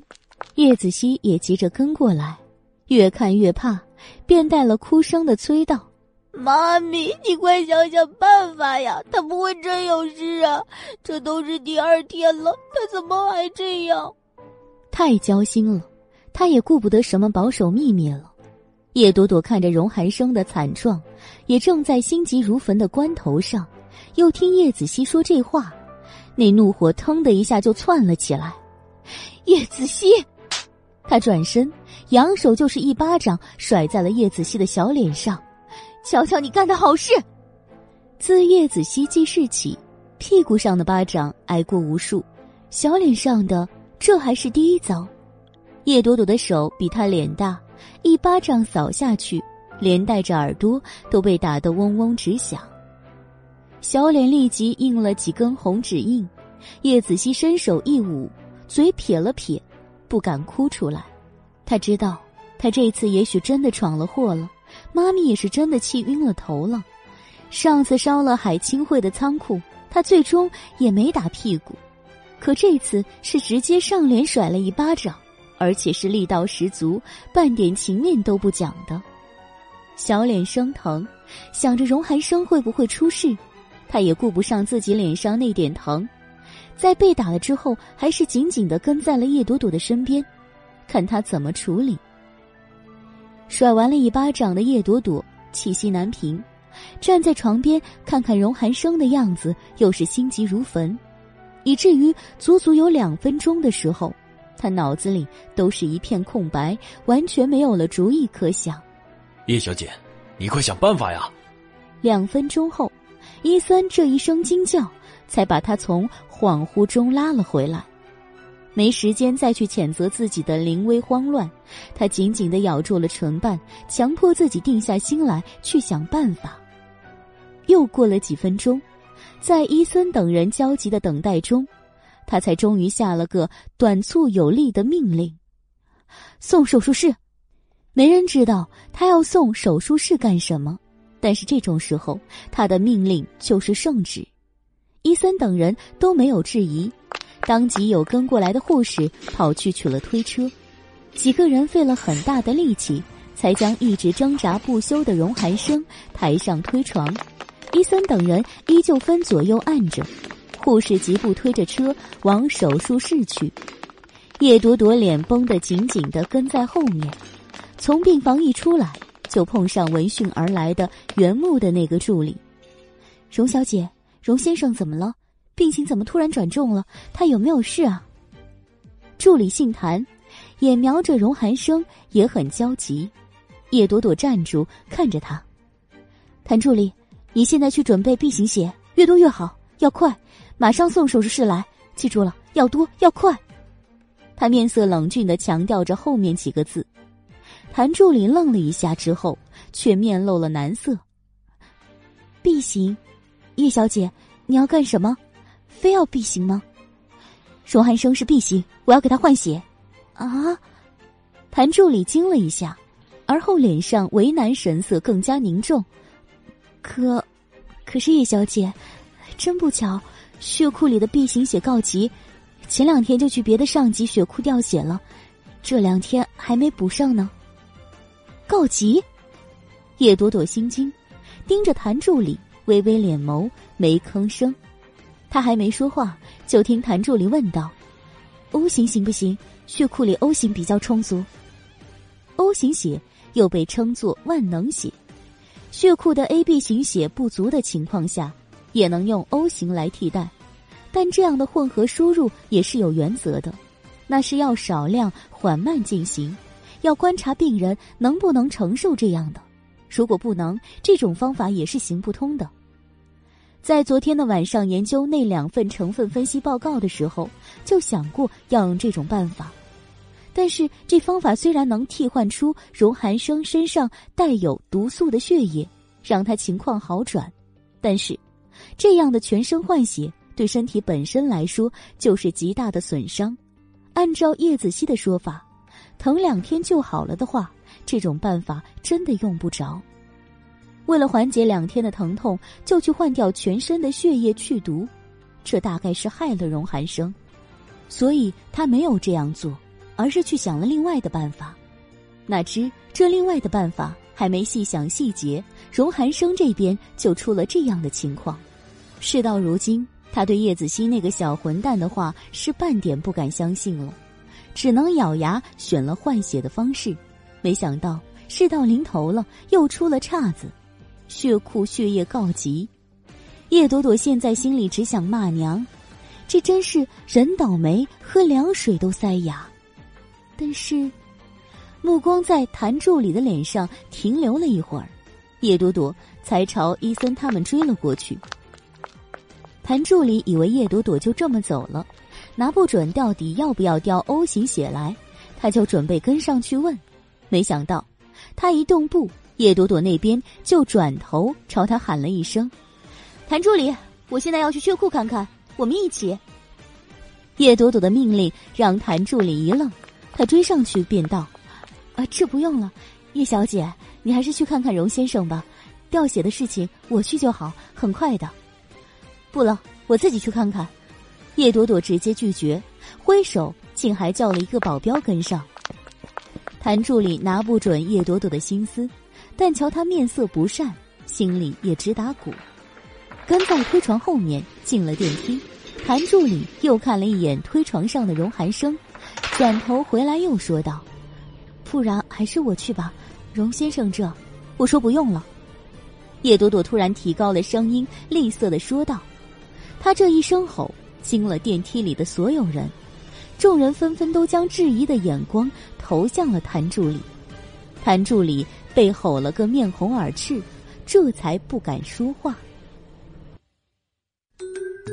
感谢您收听都市言情小说《总裁的恶魔小七》，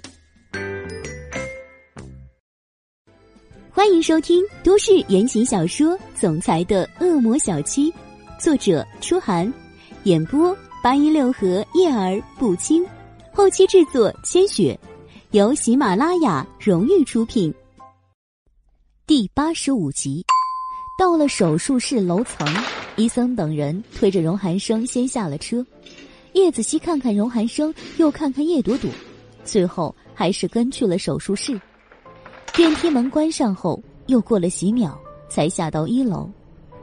血库在另一栋楼里，叶朵朵带着荣寒生的一个手下下了电梯，就一路小跑的往那里去。谭助理无奈的跟在后面。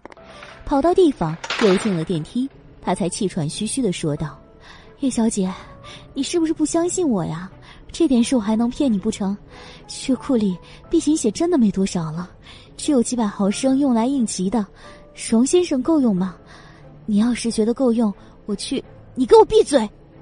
叶朵朵正在心烦意乱的关头，受不了他这样的聒噪，转脸就瞪眼厉吼了一声：“我说去看，就自己去看。”麻烦你不要再说了，叶小姐，你怎么能这样呢？我又没得罪你，你对我凶什么呀？谭助理委屈的叫起来。叶朵朵想着，他终究是原木的助理，压了压心头的火，瞪了他一眼后，没再说什么。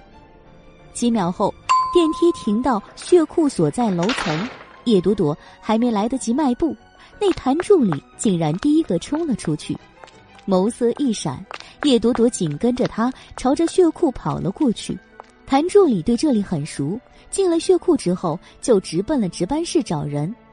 叶朵朵跟他跟得很紧，在他到的时候也到了值班室，而且这次他没有允许这位谭助理再开口。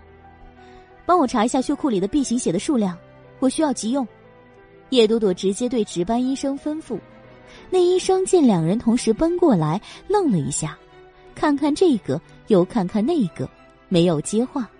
最后，因为他比较熟悉，他还是将征询的目光投向了谭助理。叶朵朵在医生这一眼瞄过去的时候，目光也凝向了谭助理。虽然这位助理只是眉头一皱，目光一紧，但叶朵朵还是品出了其中的味道，心中狠劲儿一起，他什么都没说，直接扭头对就在身后的手下使了个眼色。这手下都是善于察言观色的人，看他一眼便当即会意，一个箭步就窜到了前方。绕到了这位值班医生的身边，一手抓住了他的肩膀，另一手扣住了他的脖颈。啊！值班医生惊叫一声，叶朵朵这才声色凛冽的说道：“血库打开，我自己去看。”事到如今，他谁都不相信，只相信自己的眼睛。那医生是个中年女人，哪见过这个阵仗，当时就吓得不轻，脸都变色了。可他刚想说好。却听谭助理在旁边叫了一声：“李医生，你不能听他的，他不是我们医院的人，有什么权利自己查我们的血库？”闻言，叶朵朵便确信了这谭助理心中有鬼。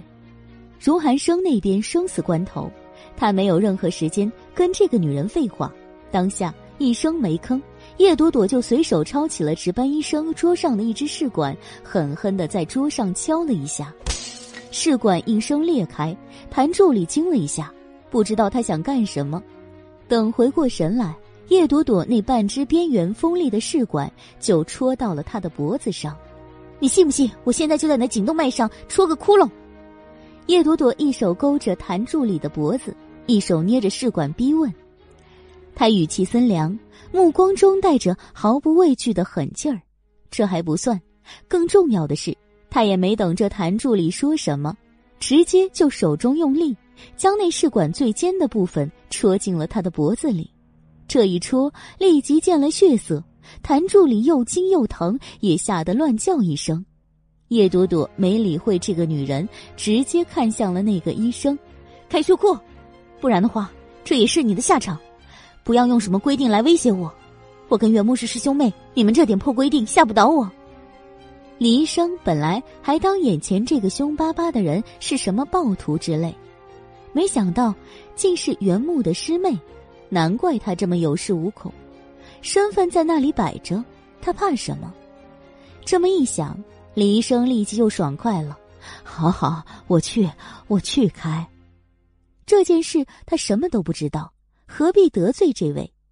到时候真出了问题，就说被迫的，谁又能拿他怎么办？权衡之下，他立即就对身旁那个扣着他脖子的人软了态度：“你先放开我，血库是密码的，我过去开。”叶朵朵受益之下，手下松开李医生，让他过去开门。而同时，叶朵朵从谭助理的白大褂口袋里摸出了他的手机来。叶朵朵将摸出来的手机放进了自己的口袋里，随后。用那半截试管戳着谭助理，携着他一起走到了血库面前。到了跟前，李医生说好密码，将门打开的同时，叶朵朵给手下人使了个眼色，手下立即松开了李医生，过来抬手给了谭助理一记手刀。谭助理昏了过去之后，叶朵朵将他丢在了一边，抬步迈进了血库，在李医生的指引之下。他很快找到了 B 型血的存放地点，如他所料，B 型血充足，根本没有出现短缺的情况。看到这里，他才松了一口气，没时间考虑这个谭助理为什么要撒谎，他便直接对着那个手下和这姓李的医生吩咐了几句。吩咐完毕，手下将这个已经倒地不醒的谭助理拖到了旁边一个存放器械的小屋子里，关了起来。现在叶朵朵还需要借助医院的力量，不能让人发现这个谭助理被他打昏了。关好了这个谭助理，他才命令李医生取了 B 型血，一起返回了手术室。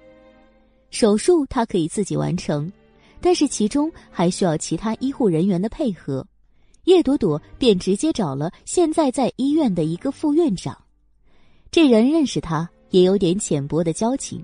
他只说袁木不在，他来问他借几个人做一场手术。副院长也知道荣寒生住在这里。没多想，一口就答应了，当即安排了人给他打下手。这么一来一回的折腾，等人员到位，手术器械准备好，已经是半个小时之后的事情了。此时的荣寒生已经陷入了深度昏迷，看着他的样子，叶朵朵的心就提到了嗓子眼儿。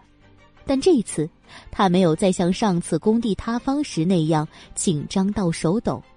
这次他知道，在这间手术室里，荣寒生能依靠的只有他一个人，他没有资格去紧张。这种时候，他必须集中精力救治他，他的命攥在他的手中。手术过程持续了近四个小时，最后看着荣寒生旁边那两台监控生命体征的仪器上显示的数据是正常的，他才松了口气。摘了口罩出来，叶子熙就扑过来：“妈咪，荣叔叔怎么样了？”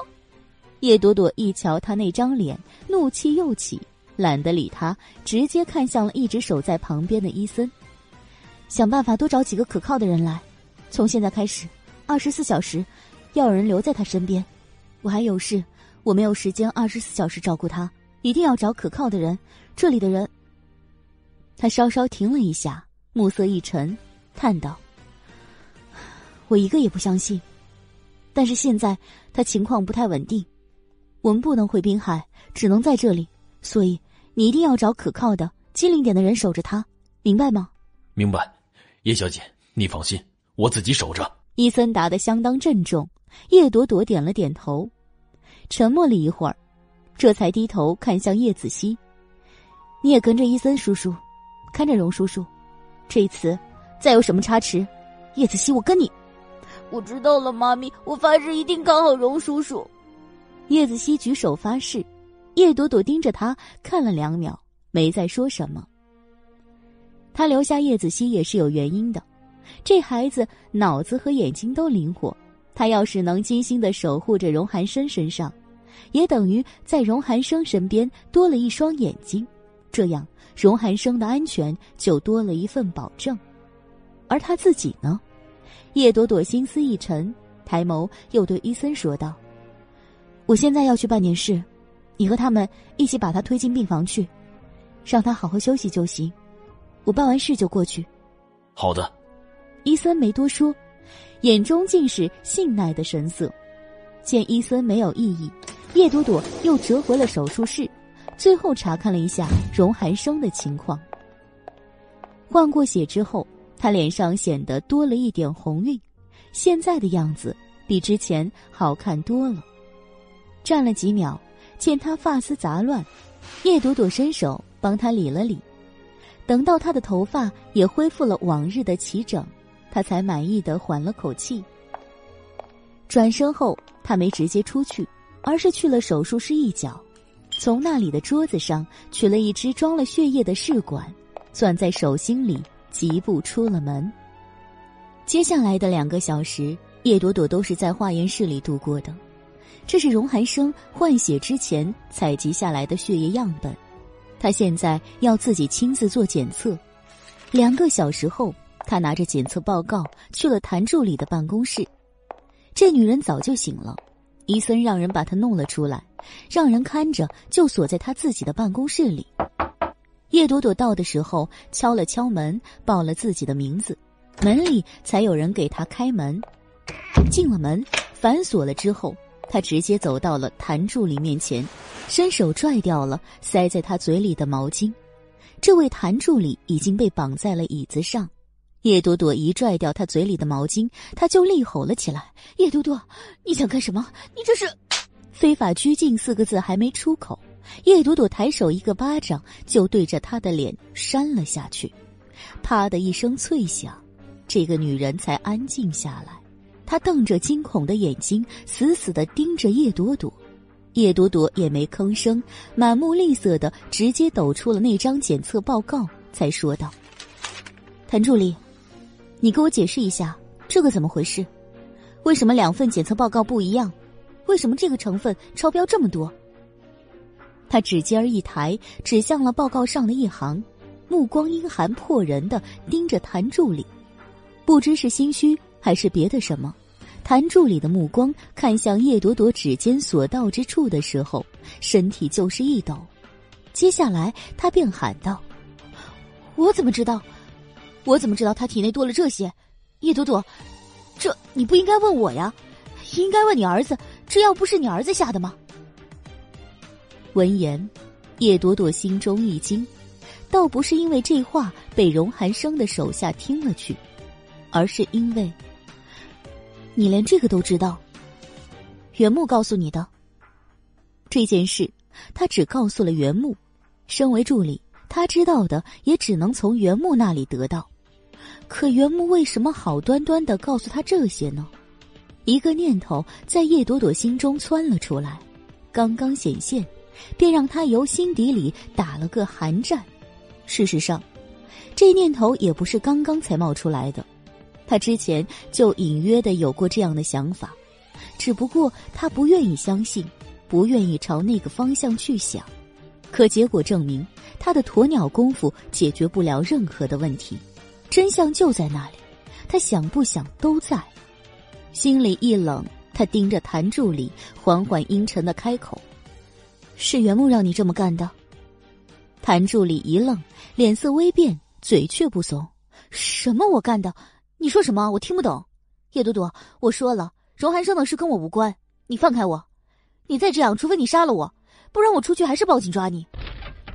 他在椅子上拼命的扭着，叶朵朵闻言却是一声冷笑：“我怕你抓我吗？正好，让警察来，让他们来问问你，荣寒生的脖子上。”颈动脉处为什么会有个针眼？别又告诉我你不知道。那天晚上，除了我们自己的人以外，只有你一个人进去过。你借口查看病人情况进去，他们对你没有疑心，结果，你却给他注射了跟药丸成分相同的毒素。谭助理，你很好啊。这样一来，荣寒生要是死了，那是吃药丸吃的。就算拿着不同的检测报告。你也可以来一句：“第一份错了，一推干净。”这样杀人不见血的方法是谁教你的？你告诉我。话到这里，什么都揭开了。叶朵朵心里反倒没有任何的快意之感，反之，她的心无比的沉重，像压了一块巨石，喘不过气来一样。这还用问吗？谭助理会这么做，除了受原木指示，那还会有谁？也许。过几天，袁木也会告诉他，他完全不知情，是这个助理的个人行为。他那天突然要走，他就该意识到这里面的不对劲儿来。可是，他终究还是太信任他了。叶朵朵心思沉沉，想到荣寒生的样子，心尖儿又似被什么戳了一下，有点疼。低头看了谭助理一眼，叶朵朵心里突然涌起了许多厌恶的情绪。他一眼都没看这个人，抬脸便对手下人吩咐：“天黑了，想办法把这个女人送出医院，找个地方关着。我会派人送药过去，让她自己也尝尝那种生不如死的滋味。”是叶小姐。手下人都没有多言。叶朵朵见这女人又开始张口嘶喊，随手就抓了刚刚的毛巾，狠狠的塞进了她的嘴里。从办公室出来。呼吸了一口外面的空气，他仿佛瞬间被抽空了所有的力气，整个人都软了。靠在墙边休息了好一会儿，他才迈着沉重的步伐走向病房区。这件事到底问题没有解决，反倒更多了。荣寒生会很快知道叶子熙的事，袁木也终究要回来，这两个人他都要怎么面对？想了一路，头越想越疼，答案却始终没有。有些事情，只能是走一步看一步了。发展到这里，有些已经超过了他的掌控。现在的主动权掌握在别人的手里。现在这个时候，唯一庆幸的是，荣寒生的命保住了，他不会有危险了。那个男人，他终究还是在意的，这一点可以欺骗任何人，也骗不过自己。想到这里，叶朵朵的步伐又加快了。两三个小时没有看见他了。他还是真有点不放心。往病房走的时候，袁木打了电话过来，一看屏幕上跳跃的名字，叶朵朵的心就是一提。犹豫了一会儿，他才接通了手机。喂，袁师兄。朵朵，荣寒生怎么样了？电话那边，袁木声音略显焦急。叶朵朵紧抓着手机，目光放远，暗暗长舒了一口气，才说道。暂时没事，手术刚刚做完，人还没醒。哦，那就好。袁木也是松了一口气，停顿了一会儿，才又问：“需要我回来帮忙吗？我这边还有三天就结束了。如果你需要我现在回去，我也可以跟这边人请假，现在就回去。”不用了，暂时也没什么事。袁木淡淡的应了一声，又是几秒钟的沉默。他才突然想起什么似的，问道：“谭助理呢？我怎么联系不到他的人？你看见他了吗？”他的语气很平常，听起来就像是随口一问。真的是这样吗？他也不知道，也不敢轻下断言。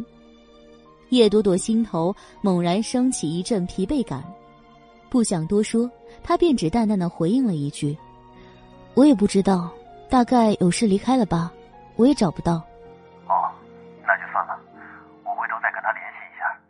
行了，荣寒生没事就好。我不在的时候，你有什么事直接找院长，他会协助你的。我知道的，没问题。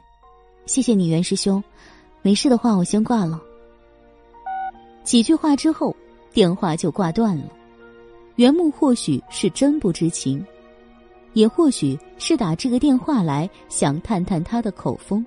但他却不愿意多说，有些事情要当面谈，电话里只言片语的怎能说得清楚？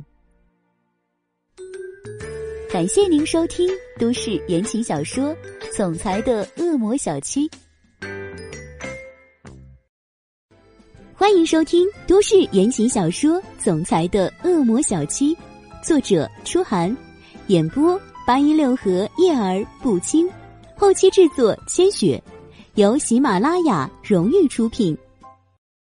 第八十六集，收了电话，叶朵朵就提快了脚步到了病房。伊森等人见到他就自动退出了，房间里只有他和叶子熙陪着昏迷不醒的荣寒生。妈咪，荣叔叔真的没事了吗？那他怎么还没醒啊？在叶朵朵没来之前，叶子熙就拖了个凳子。一直坐在荣寒生的床前，按照他妈咪的指示，他的眼睛是半刻都没有离开过荣寒生。虽然看着荣寒生还算平稳，可他还是不放心。见叶朵朵回来，就不由得追问。叶朵朵也忙了几个小时，现在才松了口气，找了个椅子拖过来坐下，他才严厉的看着叶子熙：“你现在知道怕了？我我。”叶子熙小脸揪紧，抿唇沉默了一会儿。嗯，我怕，我不想荣叔叔有事。叶子熙，叶朵朵语气一沉，盯着儿子的脸看了一会儿，严肃的说道：“请你以后做事情的时候多想一想。确实，荣寒生这次的遇险不是你造成的，是有人故意害他。但是，若不是你让他变成这样，别人又怎么会有机可乘？”叶朵朵说完，叶子熙的小脸越发的内疚。他低着头，半天没说话。叶朵朵的目光落在他黑亮的发丝上，凝眉沉默了一会儿，才伸手摸了摸他的小脑袋。子熙，以后不要再做这么危险的事情了。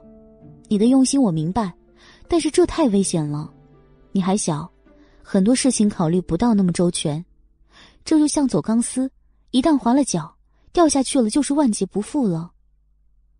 说到这里，叶朵朵才沉沉的叹了一口气，目光朝荣寒生病床上扫了一眼，看着荣寒生，悠悠的说道：“他毕竟是你爸爸，以后不管他做了什么，不管他怎么样，都不许你再为了我伤害他。”眸光转回，叶朵朵情绪凝重的看着叶子熙。我和他之间的事情，那是我们大人之间的事情。当年我离开，也不是被他抛弃，他对这件事完全不知情。在你这里，他没有什么对不起你的地方，对我，也没有什么对不起的。这是我自己的选择，他不知道，你懂吗？嗯，叶子熙点头点得很爽快，这些他从柳倩那里都听了个大概。也认真的想过，所以现在叶朵朵重提的时候，他领会的很快。妈咪，我懂了，我以后不会了。小东西很有诚意的道歉，叶朵朵也不想再多说，淡淡的点了点头。这一天，母子俩都没怎么离开病房。到了晚上，叶朵朵陪床，叶子熙也赖着留了下来。这小东西不但留了下来，还精神很好。见妈咪忙了一天，神情疲惫，他便拍了胸脯保证自己来守夜，让妈咪先睡一会儿。叶朵朵从昨天开始到现在，已经快四十八个小时没合眼了，实在有点支撑不住。又见荣寒生情况稳定，也就答应了先去睡一会儿，下半夜来替换叶子熙。见叶朵朵躺下了，叶子熙便将目光挪了回来。不眨眼的盯着荣寒生，从白天到现在，荣寒生是一直没醒。叶子熙第一次体会到了什么叫焦灼，尤其是见荣寒生一直没反应，他甚至想过会不会是他妈咪手术不成功。当然，这样的话他只敢在心里想想，不敢质疑出声。但是心里想的多，他就越来越担心。就这么坐了有一两个小时的时间。受不了病房里这种静谧却压抑的气氛，他那张小嘴不由自主的自己制造出了一点声音来：“荣叔叔，你快点醒好不好？妈咪说你醒了才说明没事，可你为什么不醒啊？”叶子熙皱巴着小脸嘀咕，说完，小手又探进了被子里，捉住了荣寒生的手，扯了扯，想要叫醒他。荣叔叔，嗯，好吧，我承认，我这次真的是坑爹了。我先跟你道歉，好不好？你醒了，就算知道了所有的事情，也不要揍我的屁股哦。小手攥着荣寒生的手指，小嘴就这么唠叨着他自认为很重要的话。还有啊，荣叔叔，其实我真的不是有意这么坑你的，我只是不放心妈咪。我怕你会欺负妈咪，才这么干的。好了，我跟你保证，保证以后绝不再坑你了，行吗？妈咪说的对呀，你毕竟是我爸爸，真把你坑死了，我就没有爸爸了。嗯，对不起，爸爸，趁着你没醒，我叫你一声爸爸吧。偷偷的告诉你一件事，其实哦。我还是很希望有个爸爸的，嗯，是很希望的。越说声音越小，说到最后，不知道触痛了什么心思，小小的人儿竟有些难过，撇了撇嘴，有些想哭。眼眶刚刚有点潮湿，他就把这难受的情绪给忍了回去，盯着荣寒生的脸，他又扯了扯他的手。见荣寒生还没醒，他才皱着眉，失望的将手收回来。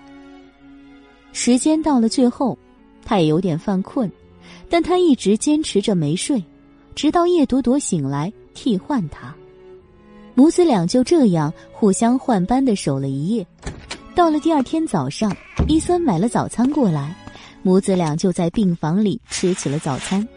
一口肉包进嘴的时候，叶子熙一边吃一边呜呜囔囔的问：“妈咪，荣叔叔今天应该会醒吧？”“嗯，差不多。”叶朵朵闷头喝粥，淡淡的应道。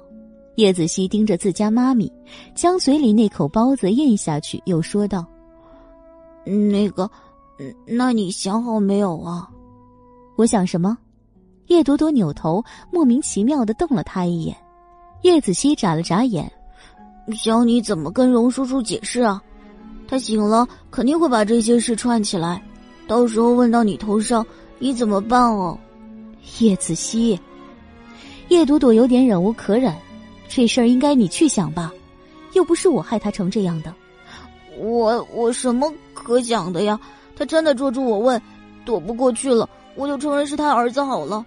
叶子熙，叶朵朵低吼了一声，吼完又不放心的朝床上看了一眼，见荣寒生还是安稳的躺着不动，才收回目光，瞪着叶子熙：“闭上你的嘴，叶子熙，我告诉你，在你妈我还没有想好之前，这件事你敢说出去半个字，我扒了你的皮。”嗯，那你到底什么时候才能想好啊？我怕我顶不住啊！叶子熙又咬了一口白胖胖的肉包子。荣叔叔这次吃了这么大的亏，肯定会想尽办法把绑匪揪出来，碎尸万段的。你说他要是查到我，我怎么办嘛？屁股会打开花吗？活该！叶朵朵没好气的低骂。叶子熙撅了撅小嘴，轻哼了一声。哼，我就知道你肯定到时候不会帮我了，那我也没有办法喽，顶不住就只能直说了。我不想我的屁股开花，他要是真的对我施以暴行，那没办法了，我就只能出卖你了。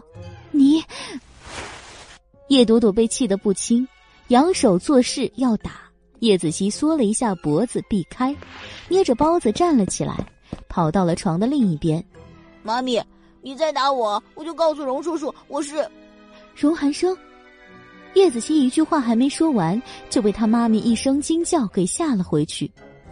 低眸一看，小家伙立即高兴了起来：“荣叔叔，你醒了！”荣寒生刚刚醒，意识还不是很清晰，他略显疲惫的目光看了看床这边的叶朵朵，又看了看床那边的叶子熙。过了好一会儿。才缓缓起唇，轻飘飘的吐了一句：“你是什么？”呃，叶子熙呆了一下，下意识的看向叶朵朵。隔着病床，叶朵朵瞪着他，恨不能堵住叶子熙那张总是闯祸的嘴。别看叶子熙刚刚一副我很嚣张，我怕谁的样子，现在真的被荣寒生抓住了关键点，他也慌了。瞪着荣寒生看了一会儿，又慌忙把求救的目光投向自家的妈咪，那样子仿佛在说：“妈咪怎么办啊？”叶朵朵狠狠的剜了他一眼，低头对荣寒生说道：“他是小混蛋，别理他。你怎么样了？好点没有？”眸光轻轻从叶子熙脸上转回，过了一会儿，荣寒生才说道：“好像不错。”闻言，叶朵朵和叶子熙。都松了口气，虽说他对自己的医术有信心，但毕竟事关生命，不到人清醒的一刻，他还是有些不放心的。尤其是叶子熙听了就咧嘴一笑，趴到了床头，用那双刚拿了包子油乎乎的小手揪住了被子，呲牙道：“你真没事了，荣叔叔，太好了。”嗯，荣寒生扯了扯唇，勾出了一个极浅淡的笑容。叶子熙见他能笑，心情更佳，趴在床头就说道：“那你想不想吃饭啊？我们正在吃早餐，给你一个肉包子吃好不好？”荣寒生还没回应，叶朵朵就丢了一记冷眼过去：“叶子熙，你闭嘴！他刚醒，不要跟他说太多的话。”哦，叶子熙小脸一沉，站直了身体，小眼珠子一转，又说道：“那好吧，我不打扰了。”我出去吃。妈咪，你在这里陪荣叔叔好了。黑豆般的小眼睛里金光四射，说完就窜了过来，拎走了他的肉包子，跑出去了。没了叶子熙的聒噪，病房里很快安静了下来。叶朵朵低眉看了看荣寒生，四目交叠中，不知道是心虚还是什么。叶朵朵总觉得荣寒生那两道略显无力、疲惫的目光，竟然有些复杂的情绪在里面。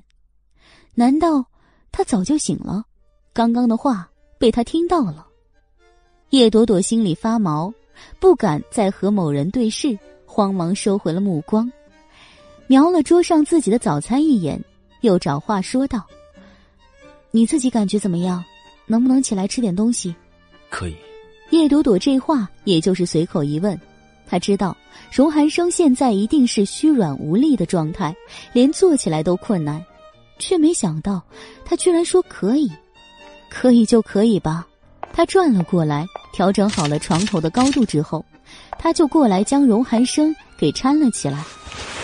这里还有一份粥，是叶子熙的，他还没吃，你将就一点。叶朵朵说着。就端起了碗粥，坐在了床边。这次他没劳烦荣寒生要求，自己就主动的担起了喂饭工的职责。虽然已经放置了一会儿，但他还是怕温度过高，所以喂之前自己先尝了一口，确定温度没问题后，他才捏着一次性的塑料勺子，一口一口的将粥喂进了荣寒生的嘴里。喂饭的过程。他的目光一直落在碗里和勺子上，没有看荣寒生，但是，他能感觉到荣寒生的两道目光始终在他脸上。荣寒生没说什么，叶朵朵也不好去试探，两人便沉默着。大概是身体真的好转了不少，一份粥，荣寒生几乎吃完了。纸碗放下，叶朵朵看了一眼床头柜上的东西，就扯了个借口出来。你还需要挂吊水，我去准备。你先休息。荣寒生没有异议，他将他重新扶着躺下，然后才端了空碗和他那份没吃完的早点转身。才走一步，就听荣寒生叫他：“叫医生进来。”叶朵朵没回头，脚步顿了一下，随后嗯了一声，才继续往前。出了病房，转达了荣寒生的话之后。他又腾出了一只手，揪住了叶子熙的小耳朵。“你给我过来！”耳朵一疼，叶子熙就知道完蛋了。祸从口出就是这样的，屁股也要开花了。伊孙是不知道叶朵朵为什么突然跟叶子熙较了劲儿，他有点好笑的瞄了叶子熙一眼之后，就进了病房。老大，您醒了。伊孙显得很高兴，问完了这一声。才发现荣寒生的脸色并不太好。老老大，您怎么了？是不是哪里不舒服？我去叫叶小姐。伊森一看荣寒生脸色不对，就很着急，想都没想就转身要去叫叶朵朵。他刚动步就被荣寒生唤住。哎，没什么，有件事你去办一下。荣寒生开口，语气没了刚才跟叶朵朵母子说话的那般轻软。多了几分冷冽强硬。伊森没想到荣寒生这刚刚一醒就在想事儿，愣了一下，才说道：“呃，老大，你说。”荣寒生盯着他，短短几句话说完，伊森就张大了嘴巴。没等他那一肚子疑问开口问出，荣寒生又直接扔了一句出来，堵了他的嘴：“现在不要问我任何的问题，去把事情做好就行了。”呃，伊森一愣，顿感他家老大似乎已经把他定位成话痨了，都知道他有很多话想说。既然都这么吩咐了，他当然也就不能再问什么。应了一声之后，他见荣寒生没什么再说的，就退了出来。接下来几天，这间病房都平静无波。叶子熙自被叶朵朵揪了一顿耳朵之后，小嘴紧了不少。再没有今天言论出现了，而荣寒生也只字未提这次绑架的事情，那平静的样子就好像他真的相信了这就是一次真实的绑架。但叶朵朵知道这种平静叫做风暴将至之前的宁静。这几天乱糟糟的，很多时候他和叶子熙都顾不上遮掩，有些话伊森等人肯定也听去了一耳朵两耳朵的，这都是疑点。他不信荣寒生不知道，既然知道了，却还嘴紧的像粘了强力胶，那可能性只有一个，就是他在思考，或者他已经有了想法，只等自己身体康复了再跟他们母子算账。毕竟现在软绵绵的躺在床上，就是算账也没人搭理他。这是叶朵朵的感觉，是不是对的？其实他自己也没底儿。反正荣寒生不提，他也就装什么都不知道，照常往前过着每一天。在荣寒生在医院休养的这几天里，那个被关的谭助理也在受了几天的那药丸的折磨之后被放出去了。叶朵朵从他身上拿的手机也还给他了。按理说这些事很快就会被袁木知道，但奇怪的是，后来袁木又来了一次电话。电话里对谭助理的事情只字未提，只是告诉叶朵朵，说他临时又有事情回不来了，还要等几天。他回不回来，对叶朵朵现在来说都无所谓了，所以电话里他也是回应淡淡，没多说什么。跟袁木通完电话后的第三天，已经在医院住了近十天的荣寒生，终于通过了各项指标，都达到了标准，可以出院了。出院这天，荣寒生的精神看起来很不错，除了折腾了这么久，消瘦了不少以外，他的脸色看起来倒是红润有光泽。从脸看，基本已经恢复了平日里的玉树临风之姿态。但是当然，叶朵朵现在无心去欣赏他的翩翩风度，他现在就像热锅上的蚂蚁，总觉得会有一把火马上就会烧向他。女人的第六感，叶朵朵相信是很灵验的。回家的一路，她和荣寒生各坐两边，叶子熙夹在中间。这小东西可没有他的抓心挠肝，反倒格外的兴奋。整整一路都是侧身对着荣寒生，腻歪在他身上叽叽喳喳，寻找着各种话题，开展十万个为什么运动。荣寒生显得脾气也不错，各种有问必答。最后只把叶子熙哄得还没下车，就对他扬起了一副无限崇拜的面孔。到了家之后，身为病人的荣寒生自然进门就坐在了沙发上，什么也不用做。伊森把东西放好后，才问道：“老大，还有什么需要我们做的吗？”“没有了，你们出去，门关好。”荣寒生靠在沙发上，姿态慵懒，神色平和的淡淡吩咐。可不知为什么，一听他这句话，刚刚才走到自己卧室门口准备放下包的叶朵朵就打了个冷静，一句很不合适的话在他脑子里窜了出来：“关门打狗。”啊，这是要跟他清算的意思吗？回头看看荣寒生，穿着浅灰色的休闲服，一手搭在沙发背上，一手自然的放在大腿上。懒懒的靠着，面色平和，略带几分笑意，看起来很正常啊，和谐的不像话。他想多了，皱了皱眉，叶朵朵将目光转回来，走进了卧室。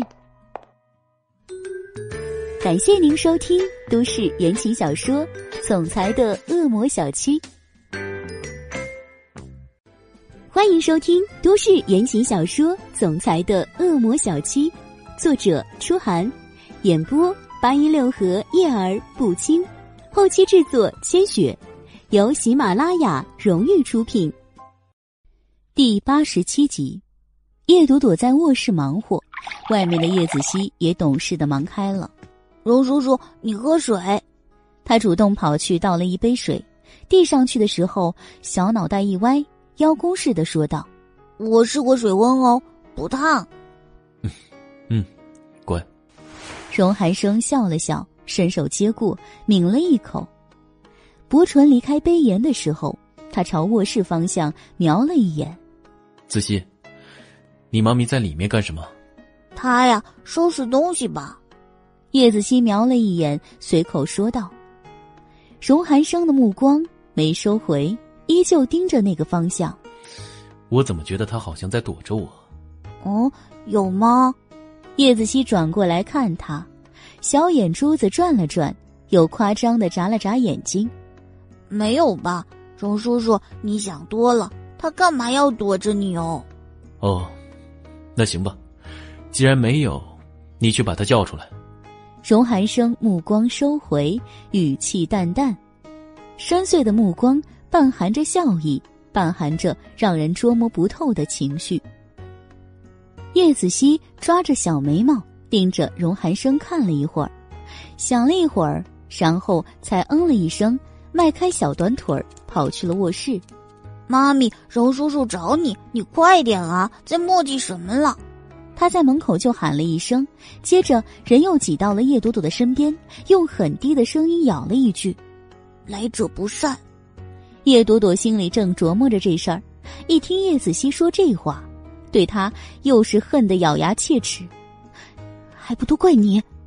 我错了，不过现在来不及了。等下看我眼色，闭紧你的嘴。OK。简短对话完毕后，叶子熙才又故意扬声：“妈咪，那我出去喽，你快点。”说完，他就奔了出来，嬉皮笑脸的对着荣寒生：“哼，我妈咪很快就来了。”嗯，荣寒生淡淡回应。说完，突然抬手一指前方，站那儿，等他。哦，本来已经歪在沙发上的叶子熙呆了一下，为什么要站？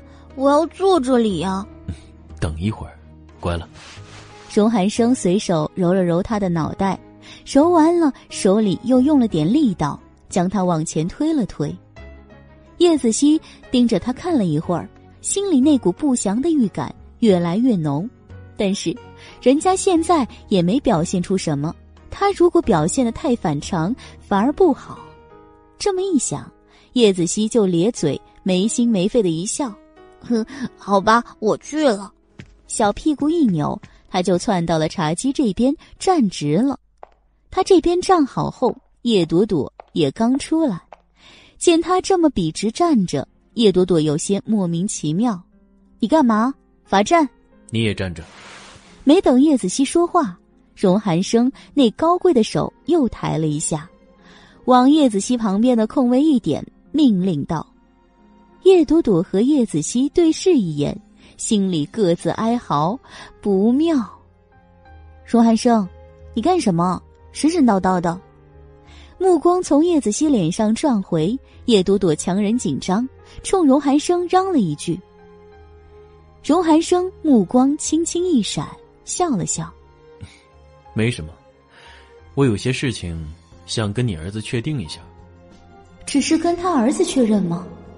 叶朵朵莫名其妙的松了口气，心道：“他应该只是对绑架的事情起了疑心，深层内幕嘛，应该还不知道，不然不会只说跟叶子熙确定。”这么一想，目光一转。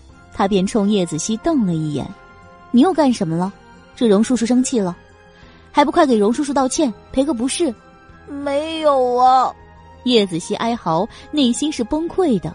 摊上这样变脸变得比翻书快的妈咪，也是够醉人的。妈咪，你也太损了！背信弃义，落井下石都是你，这么快就撇清自己了，把什么都丢儿子这里来了，是亲妈吗。叶子熙撇撇小嘴，转向了荣寒生：“荣叔叔，我没做什么呀。再说，你生我气了吗？我怎么没看出来呀？”“我没有。”说这话的时候，一直姿态闲适的靠在沙发上的荣寒生才稍稍坐起来，身体微微倾向前方一点，盯着他。“我只是有些事情不明白，问一问。”“哦，那什么事啊？你问吧。”叶子熙嘴上答着话，心里却是直打鼓。荣寒生没有急着说话，而是看向了叶朵朵，目光还停留了几秒。叶朵朵被他这种攻心战术弄得心里发毛，不高兴的嘀咕了一声：“问什么就问，别装神弄鬼的。”忙了一上午，饿了，我还等着吃饭呢。一会儿有你吃的。荣寒生轻轻甩出一句，目光才转回来，看向叶子熙。叶子熙，你听好了。哦，这阵势太像被老师批判了。叶子熙心里毛毛的，等了两秒，他才终于等到了荣寒生的话，但那话是让他直接懵逼的。我需要你给我解释三个问题：第一，你说你妈咪被绑架，为什么后面那条巷子当晚没有打斗挣扎的痕迹？第二，别墅的背头上，那个女人的腰为什么明显比你妈咪粗？第三，我昏迷的时候，为什么听见有人在我耳边叫爸爸？妈妈咪呀，好恐怖的三个为什么？怎么回答？叶子熙懵了。瞠目结舌的瞪着荣寒生看了一会儿，然后扭头朝叶朵朵求助。但是当然，他没能得到帮助，因为叶朵朵现在也是懵的。回过神来，他不知道怎么回这些为什么，只知道他现在很想把叶子熙摁倒在地上，扒掉裤子打一顿，还叫爸爸，生怕人家不知道吗？祸从口出，祸从口出，就是这样。叶子熙，仔细你的皮！忍无可忍，叶朵朵咬牙切齿的对叶子熙低吼了一声：“叶朵朵。”这一声是荣寒生叫的，他语气很轻，对叶朵朵却仿佛是来自地狱的召唤。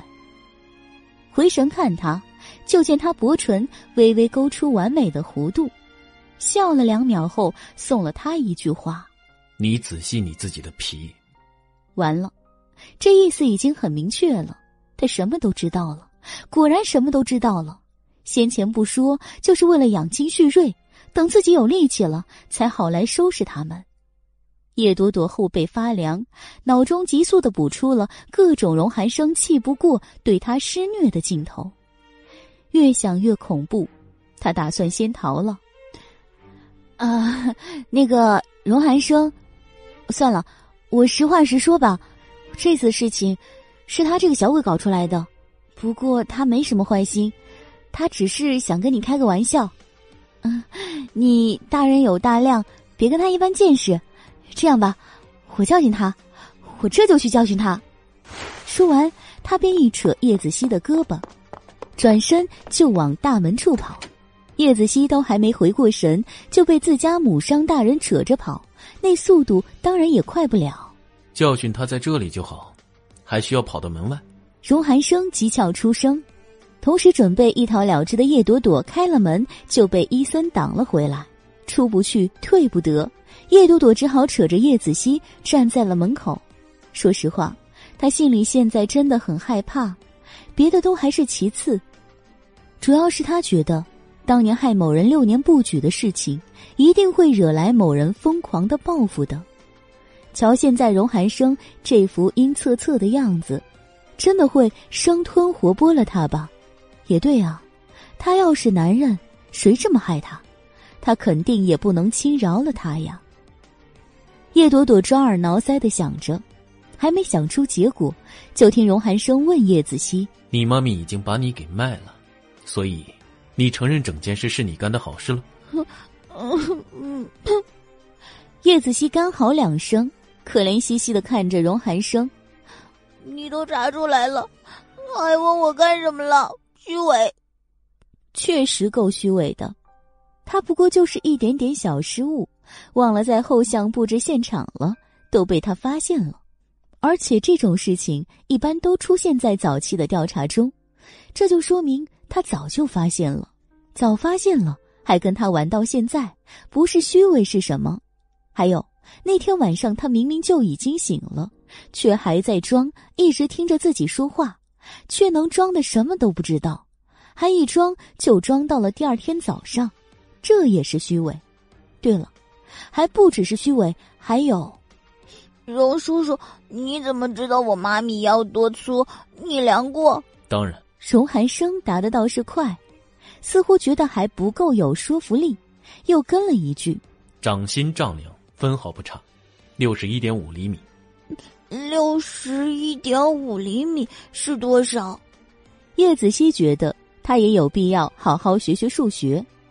荣寒生目光淡淡一挑，扫了一下一脸懵撞的叶朵朵，缓缓开口：“一尺八多一点点，你找来拍戏的女人不止。好吧，这又是个 bug，被他发现了。天啊，眼睛好毒！”叶子熙内心吐槽，目光瞄向他妈咪的纤腰，小脸又突然一烫：“荣叔叔，你摸我妈咪的腰，你都不觉得羞羞吗？”我都知道不可以摸小女生的腰啊！不要为能力不济找借口。荣寒生凉凉的回了一句。叶子熙一愣，还没回过神来，旁边的叶朵朵终于爆出了一声狮吼：“你们两个够了没有？都给我闭嘴！”吼完，他便看向荣寒生：“你能要点脸吗？当着孩子的面说这些，教坏孩子。”哦。荣寒生点头，拖了个长音，没有说话。反而看向叶子熙，你妈咪觉得你不适合参与这样的话题，那你可以先滚了。这句话对叶子熙来说简直犹如特赦，反正他这个无所不知的爹已经什么都知道了，他也没招了，还是先保住屁股不被揍再说吧。至于妈咪，哦，能把腰丈量这么准确的人，大概也舍不得把他怎么样了吧。这么一想。叶子熙愉快的朝荣寒生露出了笑意，谢谢。那我先走了。一转身，他就跑到了大门口去。叶朵朵被这个没义气的小东西给气得七窍生烟，转身就对着正在开门的某人直吼：“叶子熙，你给我回来！你这个……他这个什么？”荣寒生的声音突然近在耳边，叶朵朵慌忙回神，扭过头来，才惊觉他竟已经到了跟前。他，他他是个小混蛋，混蛋！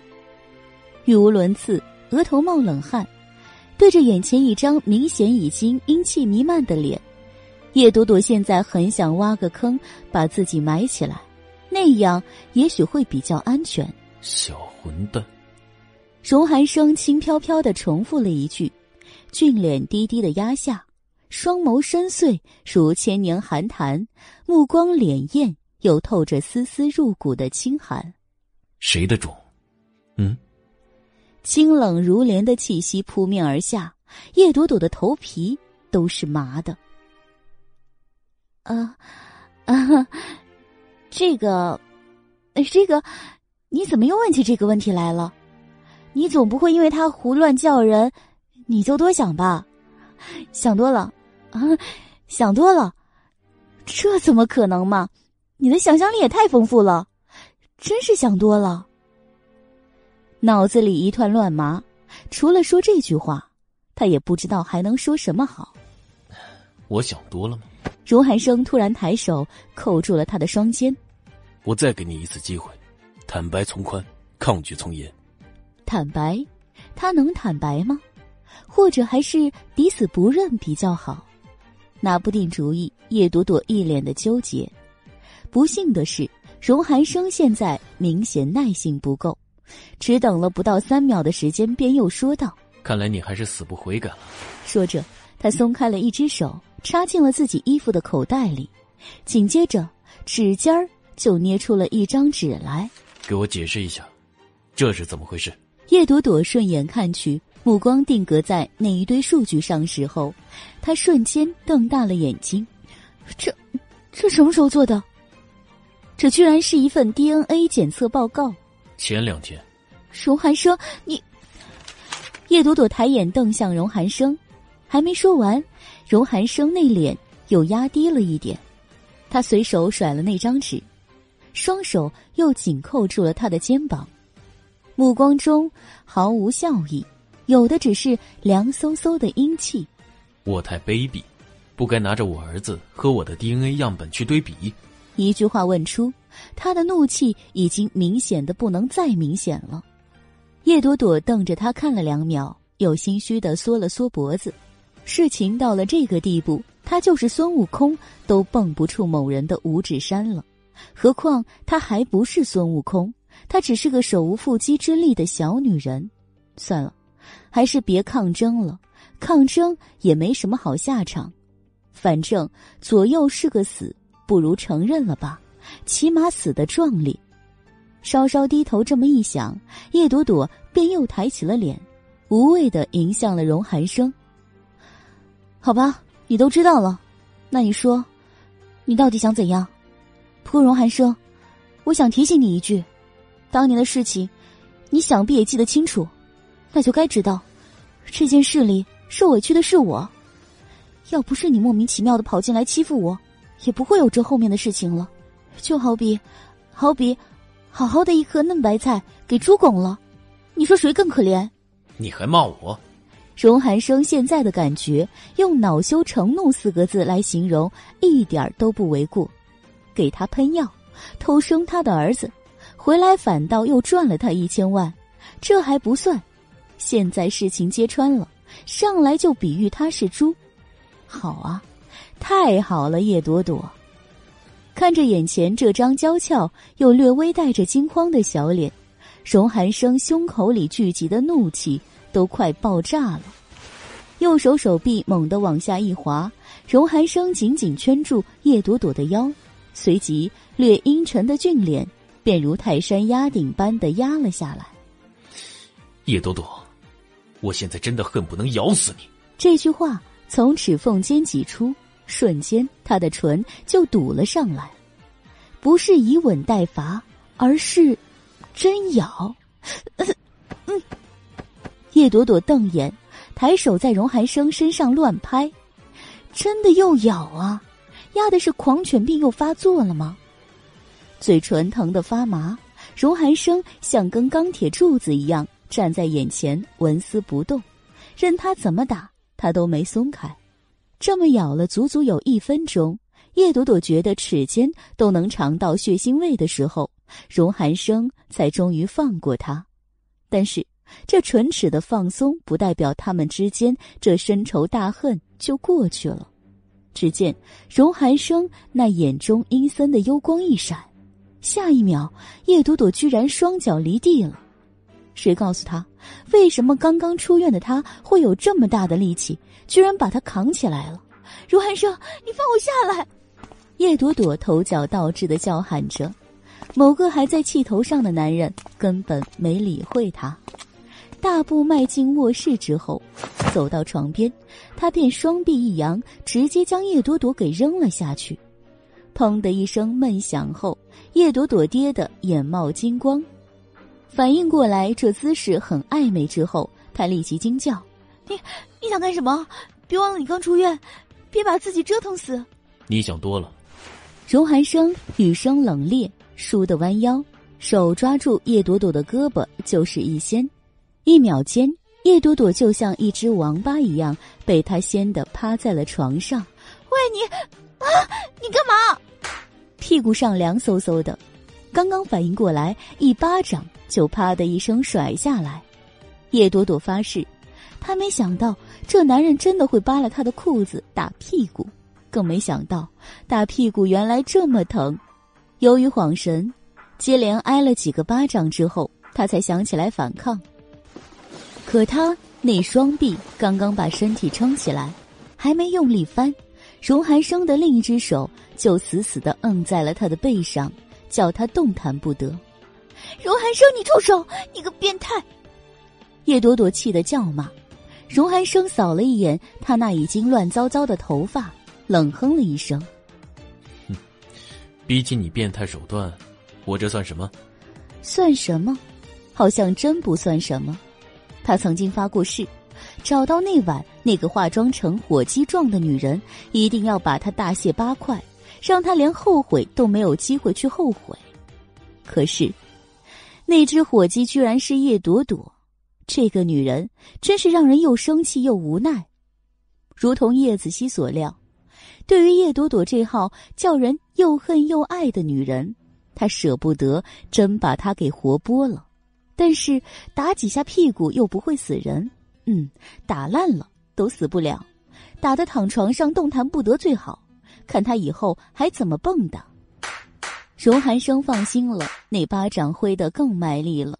先前还数着有数，后来干脆也没数数了。不知道几个巴掌下去，打得叶朵朵哇哇的乱叫。荣寒生，你这个混蛋，你够了！荣寒生，你住手！疼死了！荣寒生，你以大欺小，胜之不武！荣寒生，一时间，房间里除了啪啪的巴掌声，就只剩下了叶朵朵那凄厉的咒骂叫喊声。感谢您收听都市言情小说《总裁的恶魔小七》。欢迎收听都市言情小说《总裁的恶魔小七》，作者：初寒，演播：八一六和叶儿不轻，后期制作：千雪，由喜马拉雅荣誉出品。第八十八集，这声音很有穿透力，从房间里一直飘到房间外，飘进了就站在门口的叶子希耳中。伊森叔叔，我怎么好像听见我妈咪在叫？哎，叶子熙扬起小脸，皱着眉毛，略微担心的说道：“有吗？”伊森把耳朵贴门上，又听了一会儿。嗯，好像真是，叫的还挺惨烈的。哦，那怎么办啊？荣叔叔是不是真的生气了？会不会打死妈咪呀？叶，哦，不，小少爷。伊森改了口，严肃道：“从今以后，你不可以再叫荣叔叔了，那是你爸爸，要叫爸爸。爸爸不爸爸的，以后再说了。我要进去救我妈咪，我是孝子，妈咪有难不能不管。”小家伙神色严肃，转身就往兜里摸钥匙，那把钥匙被他提溜出来，还没插进锁孔里，就听伊森说道：“你就这么冲进去，自己屁股会不会开花？”哦。叶子熙下意识的伸手摸了摸小屁股，面露难色。伊森笑了笑：“所以呢，识时务者为俊杰，自保是上策。”“嗯，可是我妈咪……你妈咪肯定没事，相信我。”伊森打了包票，听了一会儿，又往门上贴了一耳朵。你听，没有叫喊声了吧？哦。叶子熙竖起小耳朵贴上去听了听。面露怀疑，嗯，真的是耶！哎呀，妈咪会不会被打死了呀？见他抬手又要开门，伊森干脆伸手将他抱了起来。不会，打睡着了。打人会打睡着了吗？叶子熙眨眨眼，仿佛在说：“大人的花样真多。”伊森笑道：“ 别人大概不会，你妈咪挨老大的打，大概就会了。”好了，小少爷，别理他们，我带你去玩，吃大餐，想吃什么随便点，好不好？真的咪？叶子熙小眼睛发亮，摸摸都快饿扁的肚子，嘴巴里都流了口水。真的？伊森爽快说道。反正你爸不差钱，走吧，别在这里耽误他们的好事就行了。嗯，好事。叶子熙盯着那扇门，若有所思，想了一会儿，终于有点开窍。立即撇了嘴，一脸嫌弃：“荣叔叔真好羞羞。”是爸爸。伊森一边抱着他往下走，一边严肃纠正。这边叶子熙愉快的吃午餐去了，房间内叶朵朵却还在水深火热。荣寒生大概是把他那积攒六年的怨气都发泄到了他的屁股上，打起来没完，屁股都麻木了，感觉不到疼。嚷嚷了半天无效果的叶朵朵，最后也放弃了，双手揪着床单，怒道：“你打吧，打死我好了！早知道我就不该给你治好，叫你一辈子不能人道，死荣寒生！我告诉你，你今天不打死我，只要我还活着，我就不会饶了你！我你什么？荣寒生的手倒是停了，凉飕飕的一闪，你还想报仇？哼！讥诮冷哼一声后，他那只摁着他的手也抬了起来。叶朵朵好不容易恢复了自由，一翻身，屁股挨上床就疼，痛觉神经被刺激。叶朵朵瞪向荣寒生，恨不能用眼神来杀死他。哪知荣寒生却没理会他，反倒转身朝外走去了。叶朵朵在揉着发疼的屁股时，荣寒生又像一阵疾风卷了进来，长臂优雅一扬，一个东西就照着他的脸飞过来。怕被毁容，叶朵朵下意识的往旁边一闪。等东西落到床上，她低眉一看，又傻眼了。叶朵朵首先是被这入眼通红给晃了一下眼，呆了一会儿，目光才聚焦到上面的字上：“结婚证。”对，他没看错。如果眼没瞎的话，那三个字真的是结婚证。脑袋里轰的一声，他慌忙抓起那个本本翻了起来。叶朵朵，出生年月日，和荣寒生出生年月日申请结婚，经审查符合。黑色的小字像一只只讨厌的苍蝇，在叶朵朵眼前绕啊绕，绕得她头昏。好半天才把那几行字看完。哼，荣寒生，你连假证都做好了。叶朵朵扬着本本讥笑，嘲笑荣寒生的同时，他还有点嘲笑自己。自己刚刚一定是脑抽了，还吓了个魂飞魄散。真当自己什么时候跟他扯了证了？想想，怎么可能嘛？荣寒生站在床边，姿态凌人，俊美的眉目。晃着悠悠光芒，凝视着他。见他不说话，叶朵朵得意了，没顾及屁股上的疼，翻身站了起来，继续摇着那红彤彤的本本，小嘴都没忍住的咧开着。荣寒生，你吓唬谁呢？别以为我是那种黄毛小丫头，什么都不懂，就被你吓到了。这几天你明明躺在床上死尸一样，我也在这里，哪也没去。怎么结婚？你以为你拿着一张假证就能把我怎么样了？做梦吧！越说，叶朵朵觉得心里越有底，纤腰一挺，手臂一扬，就把那结婚证照着荣寒生的脸砸了过去。荣寒生目光凝而不动，手臂轻轻一扬，以一个极漂亮的姿势，就将那红本本夹在了自己右手的食指和中指间。手收回来，他拿下结婚证，翻开第一页，捏着悬在了叶朵朵面前。叶医生，你要是眼瞎辨不出这钢印的真伪，那么请拿上这个回滨海民政局去验。不知道路的话，回家让人送你。有人刚刚去过。叶朵朵和木桩子一样呆了好一会儿，他伸手一把抢过那本结婚证，低着头，用眼睛恨不得粘上去的距离盯着瞅了好一会儿。房中足足静谧了几分钟，才听见叶朵朵讷讷的声音：“你，你是怎么办到的？”呵，荣寒生讥诮一声，右手微抬，指尖挑起了叶朵朵的下巴。有钱能使鬼推磨，现在才知道，这点小事还需要我们出面才能办。叶朵朵，你自己能力不济，不要也用你那个猪脑子来质疑别人。指尖扬起。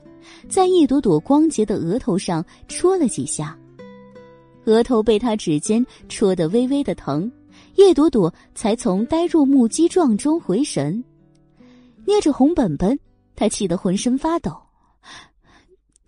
你怎么可以这样？什么都没有，别说商量了，说都没说就办了证。荣寒生，你他妈这跟强奸有什么区别？嘘，荣寒生轻笑。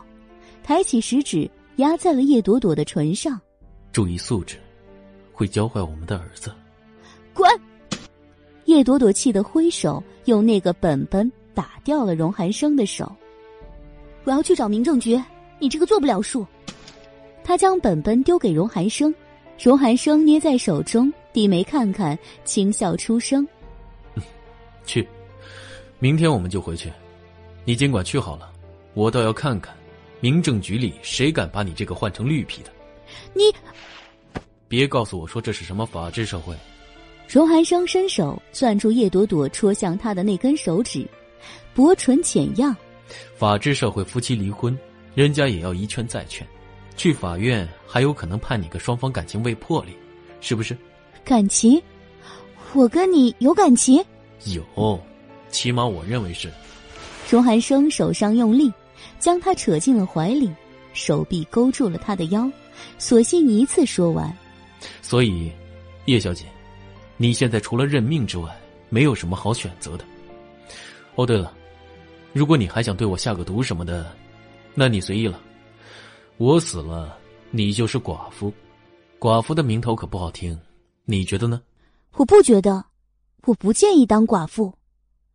叶朵朵咬牙切齿，一双水眸中怒火熊熊。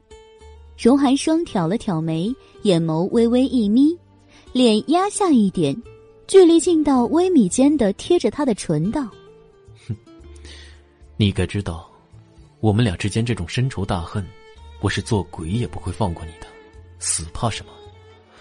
人鬼情未了，也是一段佳话。”这语调越说越轻，最后就化成了一声暧昧的热气，撩得叶朵朵汗毛。都竖起来了。察觉到不对劲儿的时候，已经来不及了。荣寒生的吻不知什么时候就从他的唇上挪到了他的脖颈处，肌肤上一阵滚烫，叶朵朵的小身板不由得颤了一下。感知到他的反应，荣寒生眼中掠出一丝得意的笑来。他没有给他什么反抗的时间，就突然挑起了下巴。轻咬住了他的耳垂，齿尖微微用力，细咬过后，他竟还不放过，反倒略显调皮的在那里流连起来。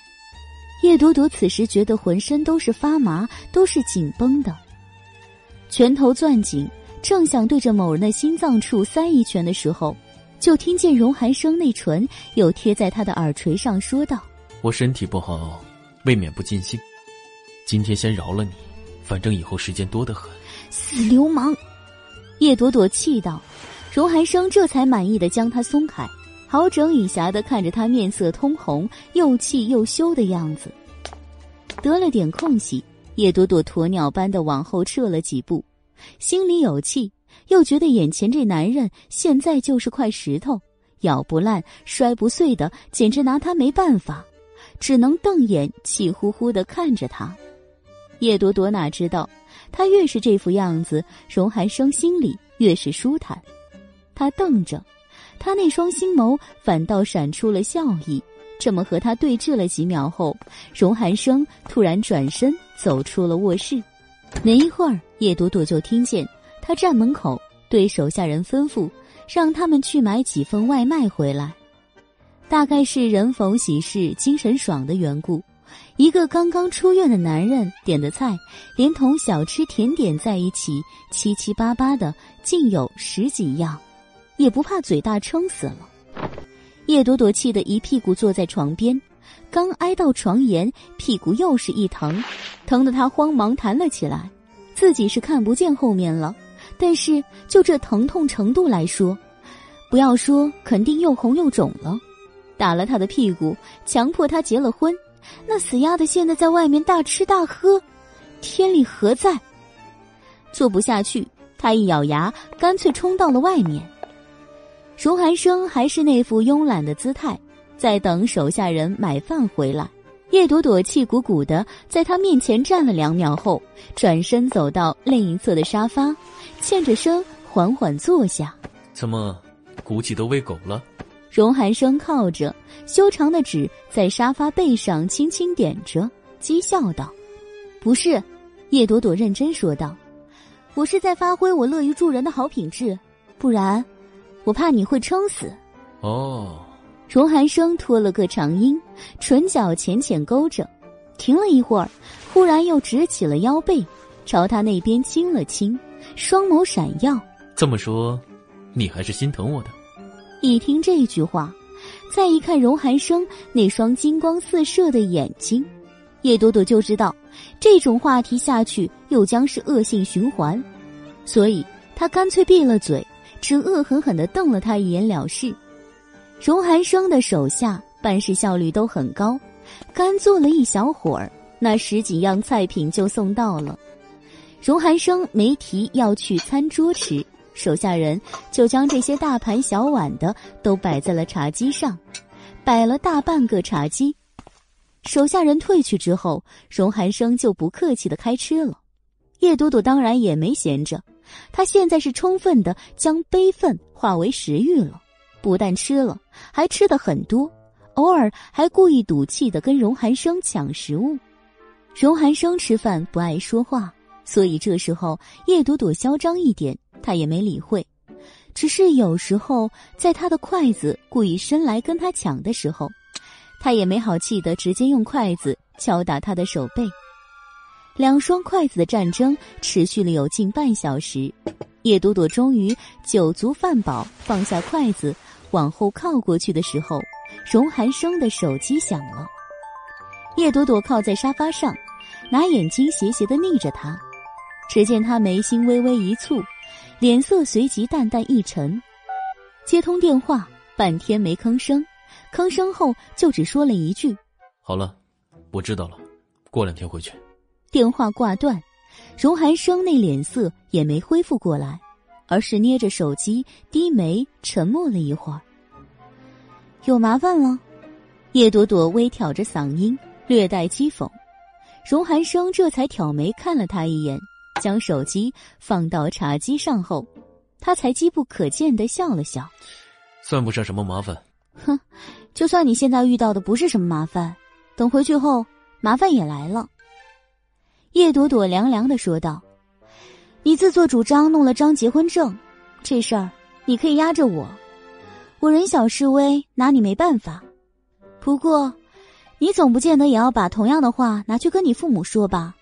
还是说？”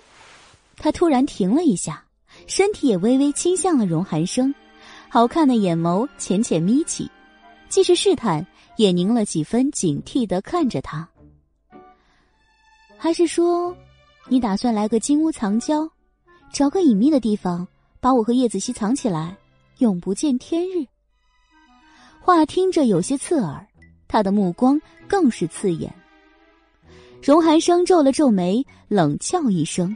你脑洞太大了，躲躲藏藏不是我荣寒生做的事，我既结婚，那就是光明正大的。光明正大，叶朵朵心里咯噔了一下，只觉得前方一大波巨浪正在急速的朝他和叶子熙涌过来。叶朵朵刚想追问荣寒生是不是有什么安排或者打算的时候，在外面吃的肚子滚圆的叶子熙也回来了。爸爸。一进门，小家伙就来了一声惊天巨吼，叶朵朵听了，顿时犹如五雷轰顶一般。叶子熙，你节操呢？叶朵朵朝着叶子熙吼，叶子熙此时却已经窜到了荣寒生这边。荣寒生一伸手，他就顺势爬到他身上去。妈咪，你有节操，不也还要乖乖听话吗？伊森叔叔说了，这叫识时务者为俊杰。小家伙龇牙咧嘴，晃着满嘴的小白牙，看着叶朵朵，又转过来看向荣寒生。伊森叔叔还说，只要我乖乖叫你爸爸，你会满足我很多的要求，对不对？嗯。荣寒生轻笑，问都没问是什么要求就应了。叶朵朵坐在这边，眼瞅着这对父子父慈子孝的场面，气得都快要吐血了。糖衣炮弹，糖衣炮弹！荣寒生，你太卑鄙了！你手下的人跟你一样卑鄙，这么忽悠一个小孩子。妈咪，叶子熙坐在荣寒生的大腿上，勾着他的脖子，扭头朝叶朵朵眨着小眼睛。不如你也乖一点，爸爸肯定也会满足你的那些奇葩要求的。我才不像你，没节操，没底线，没我有脑子呀！叶子熙接了这话，小脸笑容稍稍收起，表情严肃的说道：“我知道你喜欢他，他也对你好，而且他也真的是我爸爸吗。”这么说着，小家伙就松了手臂，挣扎的溜了下来，窜到了叶朵朵这边。他本想爬到叶朵朵身上，无奈叶朵朵不待见他，最后他只能站在叶朵朵身边，抓着她的胳膊摇摇。扯出了略显可怜的表情，妈咪，咱们给他一次机会嘛，看他表现好不好？不好，叶朵朵回答的干脆。叶子熙见自己母上大人还是一张冰山脸，心里顿觉难受，小脸都垮了下来。这时，荣寒生站了起来，缓步走过来，将叶子熙拽到身边，随手抱着。别理他，爸爸有办法收拾他。第一次从自己嘴里溢出“爸爸”这个词，荣寒生觉得滋味很不错，心中一高兴，唇凑了上去，在叶子熙饱满滑嫩的小脸上亲了一口。吃饱了，我们去睡个午觉，下午让伊森叔叔带你出去玩，好不好？不好啊，谢谢爸爸。叶子熙干脆响亮的声音，简直没把叶朵朵给气死。只是回头一看，他那笑成花的小脸，他心情又复杂了一点。叶子熙这小子心里肯定还是在乎他多一点的，这一点他不怀疑。只不过这小东西现在明显也被荣寒生给俘虏了，也许是父子天性，也或许是他真的觉得荣寒生很可靠。总之，他似乎很喜欢跟荣寒生在一起，而且因为自己对荣寒生评价高，也琢磨着心思想把他和荣寒生凑一块儿去。这孩子小小年纪，心思倒不少。儿子已经临阵倒戈了，那他自己呢？大概也是凶多吉少了。荣寒生那淫威尚且不提，就是儿子那张小脸，他又怎么忍心让他难过呢？盯着卧室的门想了一会儿，叶朵朵暗暗的叹了一声：“这就是命运吧，该绑在一起的人始终还是要绑在一起。”生怕被揭开的秘密到最后还是揭开了。想逃走嘛，呵呵哒。某人说了，做鬼也不会放过他。其实想想，自己好像也不是那么排斥荣寒生。他甚至可以说是很喜欢这个男人的，既喜欢又被他死抓着不放，逃不掉。那么，是不是该认命了呢？想到这里，叶朵朵的心里的天平已经发生了一点点倾斜。就在这时候，原木的电话进来了。感谢您收听都市言情小说。总裁的恶魔小七，欢迎收听都市言情小说《总裁的恶魔小七》，作者：初寒，演播：八音六合叶儿不轻，后期制作：千雪，由喜马拉雅荣誉出品。第八十九集，叶朵朵收回了心神，接了电话：“喂，袁师兄。”朵朵，你现在在哪儿？在家吗？嗯，叶朵朵没有隐瞒。袁木那头停了几秒，才问道：“那荣寒生在你那儿吗？”在，他今天刚出院。哦。袁木的声音有点淡，停了两秒才道：“我在你家附近，马上过去，看看你，顺便也看看荣寒生，他应该恢复的不错。”闻言，叶朵朵有些意外：“你回来了？”“对，刚下飞机，跟子熙带了几盒他爱吃的巧克力。”准备送过去，马上快到你家了。你别过来！叶朵朵想都没想的就接了一声，那边明显愣住了。叶朵朵反应过来，忙又说道：“你在小区门口等我吧，我出去找你。”好吧。袁木没说什么，那声音却听着明显的暗淡。挂了袁木的电话，叶朵朵捏着手机看了一会儿，站起准备朝门口走的时候。身后竟传来了荣寒生懒洋洋的声音：“去哪儿？”叶朵朵刚刚明明看到他跟叶子熙爬上床去了，现在突然听他讲话，吓了一跳。回过头时，他的表情就有些不自然。“我出去一趟。”见原木。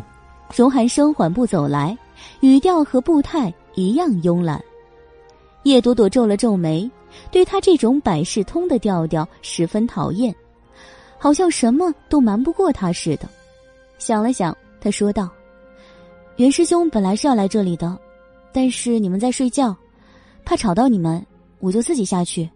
怎么，这很有问题吗？”“没有。”语音落下的时候，荣寒生也走到了他面前，他信手撩起了他耳边的一缕头发，缠在了指尖，目光抬起，才问道：“是去问他为什么害我？”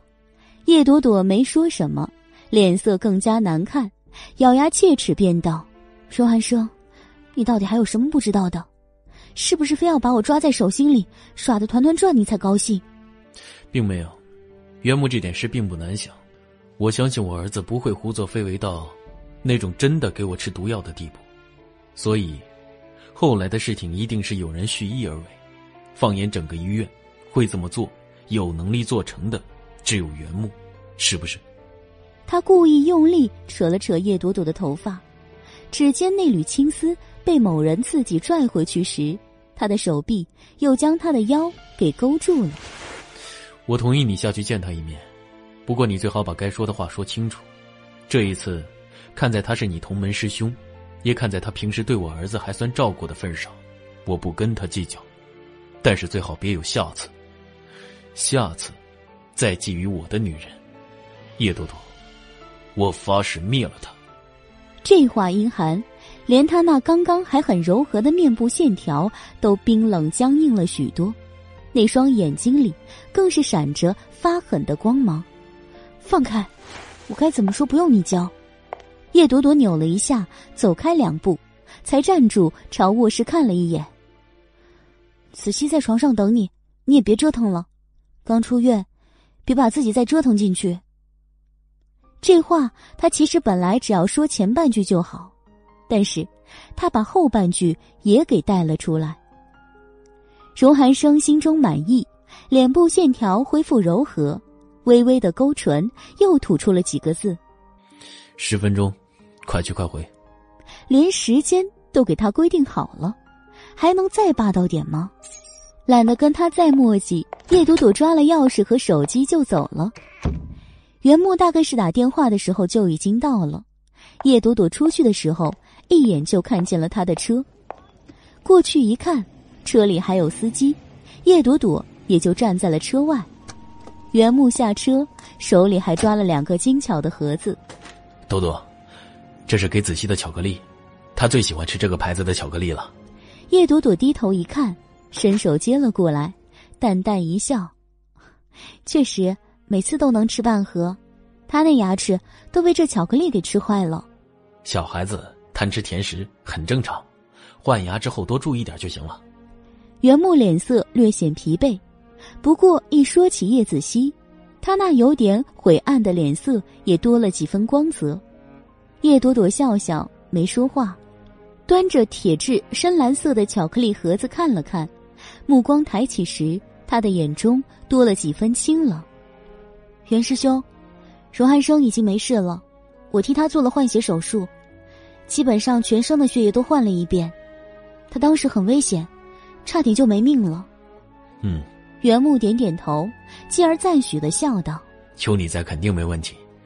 荣寒生他运气不错，他是运气不错，幸好我及时发现问题，否则就是神仙来了，恐怕也没有办法了。袁师兄，你说。”是他运气好，还是你运气不好？猛然一问，袁木脸色变了变，好一会儿，他才扯出了点尴尬的笑来。啊，多多，你说什么？这跟我有什么关系？难道你觉得荣寒生遇险跟我有关？叶朵朵一低头，神色淡淡。袁师兄，我知道你们一直拿我当小孩子看。这么多年，对我也很照顾。不过，我真的不是小孩子了。目光抬起，他神色清冷严肃。我是一个孩子的妈妈。差点没命的是我孩子的父亲，袁师兄，你觉得我会不调查清楚就来随便指认吗？多多，袁木脸色金白，出口的声音也有些发颤。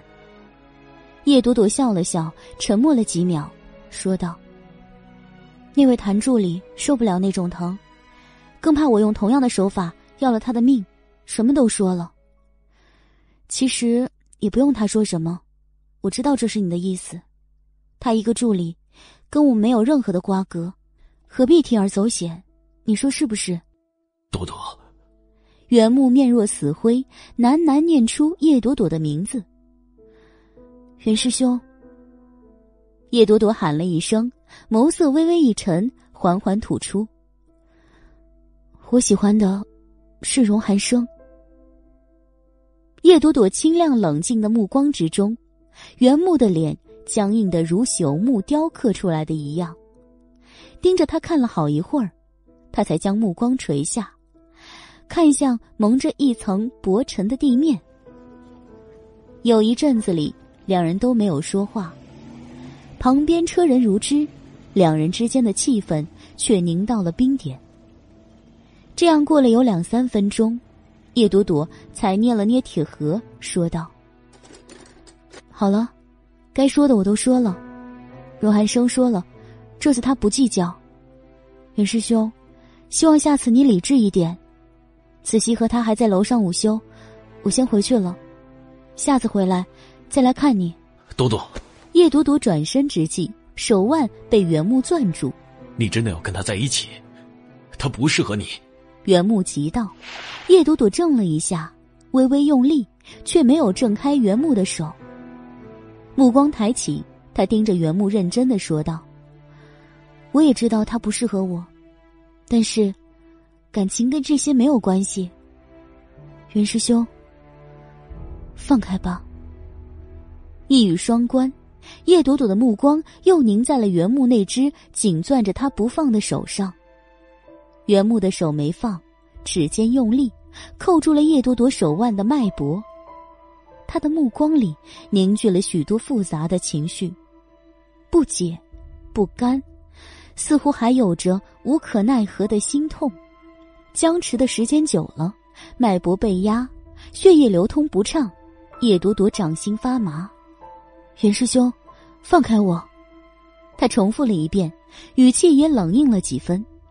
袁木看着叶朵朵，被他眼中的决绝给刺伤了，指尖一松，他的掌心离开了叶朵朵的手腕。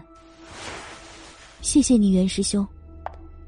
叶朵朵收回手，淡淡的说了一句，就转了身。目光刚一抬起，他就看见荣寒生站在小区门口，不远不近。也不知道站了多久，就在那儿看着他们，眉心一收，叶朵朵的脚步顿了两秒，才重新大步迈开。他都到了跟前，荣寒生的目光还远远的看向他身后原木的方向。叶朵朵并不知道此时在他身后不远处的原木是什么表情，但他能感觉出这两个男人的四道目光在空气中蹦出的火花。尤其是荣寒生，那目光简直火花四射。看过没有？对于某人这种说十分钟就十分钟，超过一分钟都要追出来看的做法，叶朵朵很是嗤之以鼻。他这略带嗔怒的嗓音响起，荣寒生才将目光收回，目光挪过来，瞬间就落在他手里的盒子上。这是什么？荣寒生不由分说的抢了过来，拿起看看，给你的，给你儿子的。我儿子为什么要吃他买的巧克力？荣寒生挑眉，冷冷反问。说完就转身走到了小区门口另一侧的垃圾桶旁，随手丢了进去。转身回来，他便牵起了叶朵朵的手，回家。明显不悦的语气，略显铁青的脸色，连手的力道都那么大。攥得他的手腕生疼。荣寒生，你不觉得你很幼稚吗？叶朵朵仰脸鄙夷的问。袁木大概还没走，他就当人家的面把东西给扔了，不但幼稚，而且有点过分。想到这里，叶朵朵脸上那不认同的表情里就多了几分愤怒。荣寒生侧脸凉凉的睨着他：“对不起，不觉得。”他脚步没停，就这么一直拉着他，一直往小区深处走。这一幕悉数落进了袁木的眼中，他就站在小区门口，看着那一对身影越变越小。喜欢，他的丫头居然说他喜欢荣寒生。目光微微一沉，他又转到旁边，盯着那只绿色的垃圾桶看了几秒。原木的车终于从小区门口缓缓驶出的时候，叶朵朵也被荣寒生拖进了屋子里。你还在心疼那盒巧克力？一进门，荣寒生就问。叶朵朵朝卧室方向看了一眼，见那门关着，没什么动静，才说道：“我只是觉得你太幼稚，又不是小孩子过家家，你至于当着别人面就把东西扔了吗？”我没把它扔了就不错了。荣寒生轻哼一声，不太高兴的扫了叶朵朵一眼，就转身往卧室方向去了。叶朵朵站在门口，对着荣寒生那俊逸挺拔的身形，连连丢了几个白眼过去。某人占了他的床，他也懒得再往那儿挤，索性去了小房间，也睡了个午觉。一家三口都是睡到下午才醒，尤其是叶朵朵醒得最迟。醒来后，叶子熙已经被伊森领出去玩了，荣寒生就靠在客厅的沙发上。捧着笔记本，不时的抬起修长的手指点几下。叶朵朵拖着还没怎么睡醒的脑袋走过去，一眼就看见茶几上放了几张机票，捏起看看就是明天的。荣寒生，他喊了一声，捏着机票坐在了另一张单人沙发上。说，荣寒生脸都没抬，依旧盯着他的电脑，似乎在忙什么要紧事。叶朵朵瞄了那个被咬了一口的苹果一眼，挺了挺腰背，暗暗的组织了一会儿语言，才说道：“我明天要回去了，我能不能跟你提几个要求？”轻点的指尖停了一下，荣寒生抬眼看他：“可以。”嗯，叶朵朵低了一下头，还装模作样的干咳了两声，以示隆重，之后才说道：“首先。”你强迫我跟你结了婚，就算这个证是有效的，但在我心里那是无效的。不过我这个人一向好说话，我先让一步，不跟你计较这事儿。但是我有要求，在我心里认可你这张证之前，你起码应该稍稍尊重我的意愿，对不对？你的意愿。荣寒生呢喃一声，随手将电脑搬到了茶几上，轻声看着他。只要不违背同吃同住同睡的原则，你随意发挥你的意愿。那我刚才不是白说了？我就是希望你能先给我点空间，让我想想，不行吗？行。荣寒生竟给了句肯定的答复。只不过叶朵朵还没来得及高兴，就听他话锋一转，说道：“不过现在的情势已经不是我说的算了的。”你什么意思？叶朵朵惊了一下。深深感觉眼前某人已经在他不知道的时候给他挖好了一个坑，就等着他吧唧一下下去了。荣寒生双手十指交叉，薄唇勾起笑了笑：“明天就知道了。我不喜欢废话，你自己去感受。”感受？他现在的感受就是想捏死他。上辈子难道摧毁了银河系吗？这辈子这么倒霉遇上他？郁闷的想了好一会儿，看着荣寒生那副胸有成竹的样子，叶朵朵觉得他刚刚已经准备好的一二三四条都可以不用说了，说了也没用。这男人看样子打算无赖到底了，但是他就只能这么被动吗？这种憋屈的感觉真的不太好了。叶朵朵皱眉，紧紧的抿着唇，神色纠结了好一会儿。过了好一会儿，他才又挑眉，气羞羞的看着荣寒生。那你告诉我，在这件事里，我到底有什么好处？你用一张违法弄来的结婚证，就得了儿子又得了老婆，我呢，我能得到什么？闻言，荣寒生眼中闪出了一抹欣慰的光芒。你这是在跟我谈条件？等价交换，我出卖我的自由，甚至还要出卖身体。难道不该得点报酬？少见有女人能用这么严肃的表情说这么逗的话。叶朵朵，你果然是朵奇葩。忍了忍好笑的情绪，荣寒生才说道：“好像有点道理。那你说，你想要什么？在我这里，无非就是财产。没问题，回去让伊森清点一下，你爱要什么拿去好了，我不介意。真的不介意。”这大方的程度让叶朵朵很惊讶，我可不是跟你说的玩的，你知道我的，我拿钱从来不手软，还有进了我口袋里的钱，再想要回去，除非我死了，你别后悔。不会，他拿钱不手软，他要人也是从来不手软的，人都是他的，口袋里的钱还能跑得掉？这丫头，脑子都是浆糊吗？真不知道怎么想的。荣寒生沈笑出声，无奈又觉得好笑的摇了摇头，没多说什么。见他真的没有意见，叶朵朵又说道：“还有，我可以住在你那里，但是我要约法三章。继续。第一，我不做饭，这个神圣而光荣的任务只能是你的。第二，我们的关系必须暂时保密，我不想因为这个影响我现在的生活。第三。”你父母那边，你怎么解释？怎么沟通？我不干涉，但有一条，叶子熙必须时刻跟我在一起，千万别在我这里动那种想把孩子抢走、把我扫地出门的念头。谁分开我和叶子熙，我跟谁拼命。说到这里，他停顿了。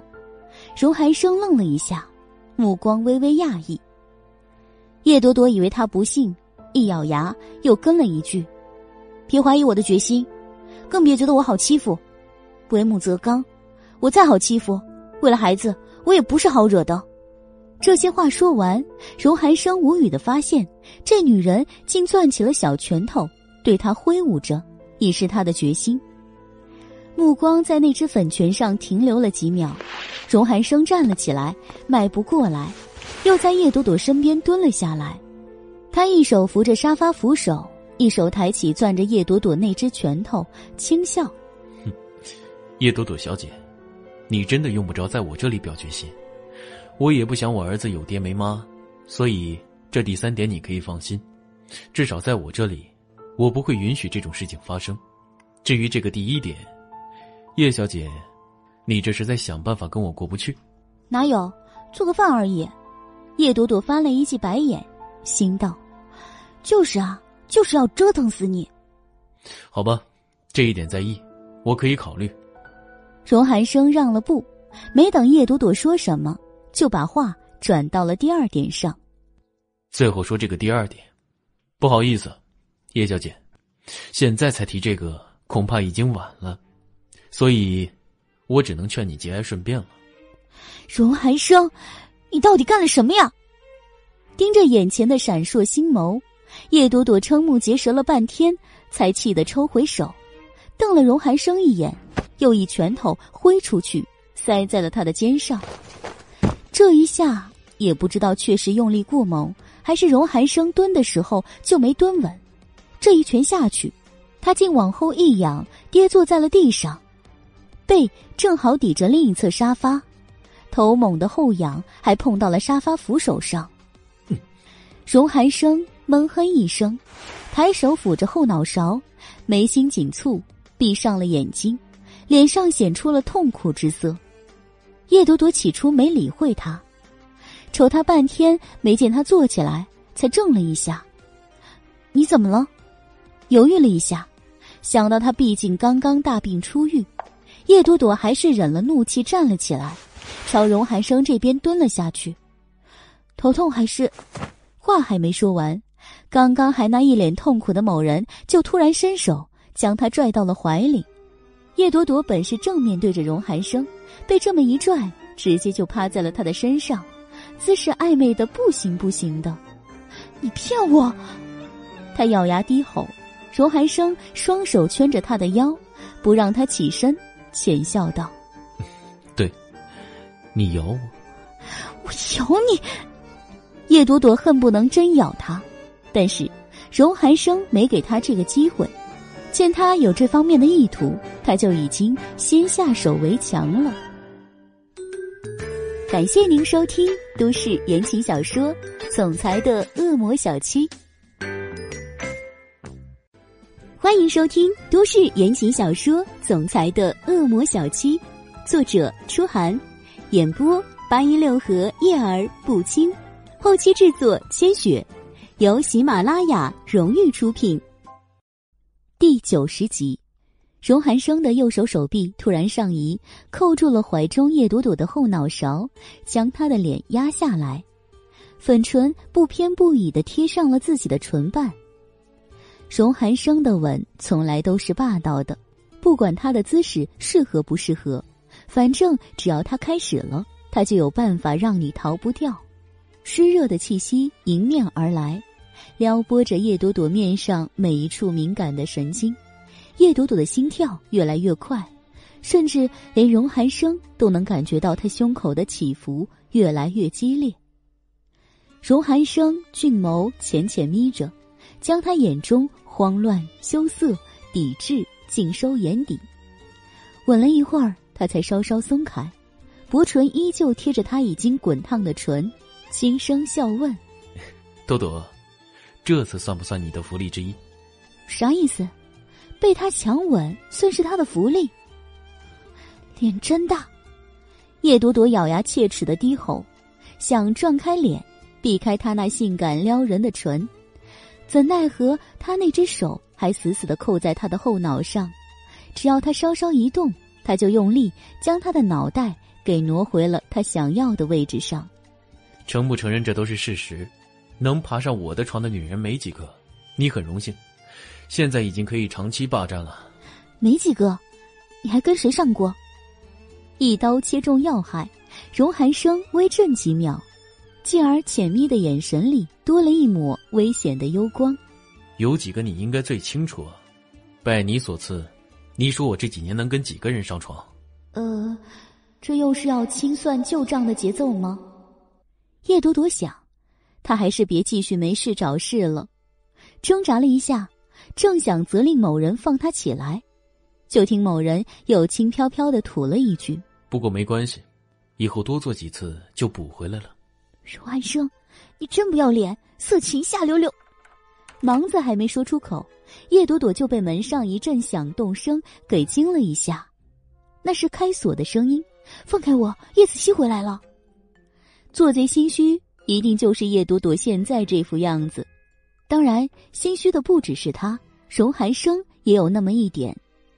做父亲的还是有点威严比较好，让儿子看到这副场面。大概不太合适，只是早不回来，晚不回来，偏偏这个时候，这儿子也太没有眼色了。荣寒生皱了皱眉，才将紧圈的双臂松开。两人的姿势本来就有点别扭，现在想起来也不是一秒两秒就能起来的，所以叶子熙进门后看到就是这样一副场景。呃，妈咪。妈咪，你在干什么？小家伙拧开门之后，一眼看过去就呆在了门口。由于位置原因，他起初没看到坐在地上的荣寒生，只看到叶朵朵趴在那儿。定神看清楚之后，他又惊慌的叫了起来：“妈咪，你在打爸爸吗？不要了，他还是病人，打坏了怎么办？”小短腿迈开，他想都没想的冲了过来。此时，荣寒生已坐直，叶子熙过去之后，小手立即扶上了他的肩膀。爸爸，你有没有事？没有。荣寒生笑看着一脸担忧的儿子，深觉满意。相反的，叶朵朵一看自己养了五年的儿子进门竟就帮着别人，气呆了。叶子熙，你搞清楚，我哪打他了？明明是他欺负我，是他欺负我。叶朵朵爬起来，气得连吼了两声：“欺负我！”叶子熙将荣寒生扶起，仰头瞪大眼睛盯着叶朵朵：“嗯，是吗？”疑惑的看了几秒，他又松开了荣寒生，转到他妈咪跟前去了。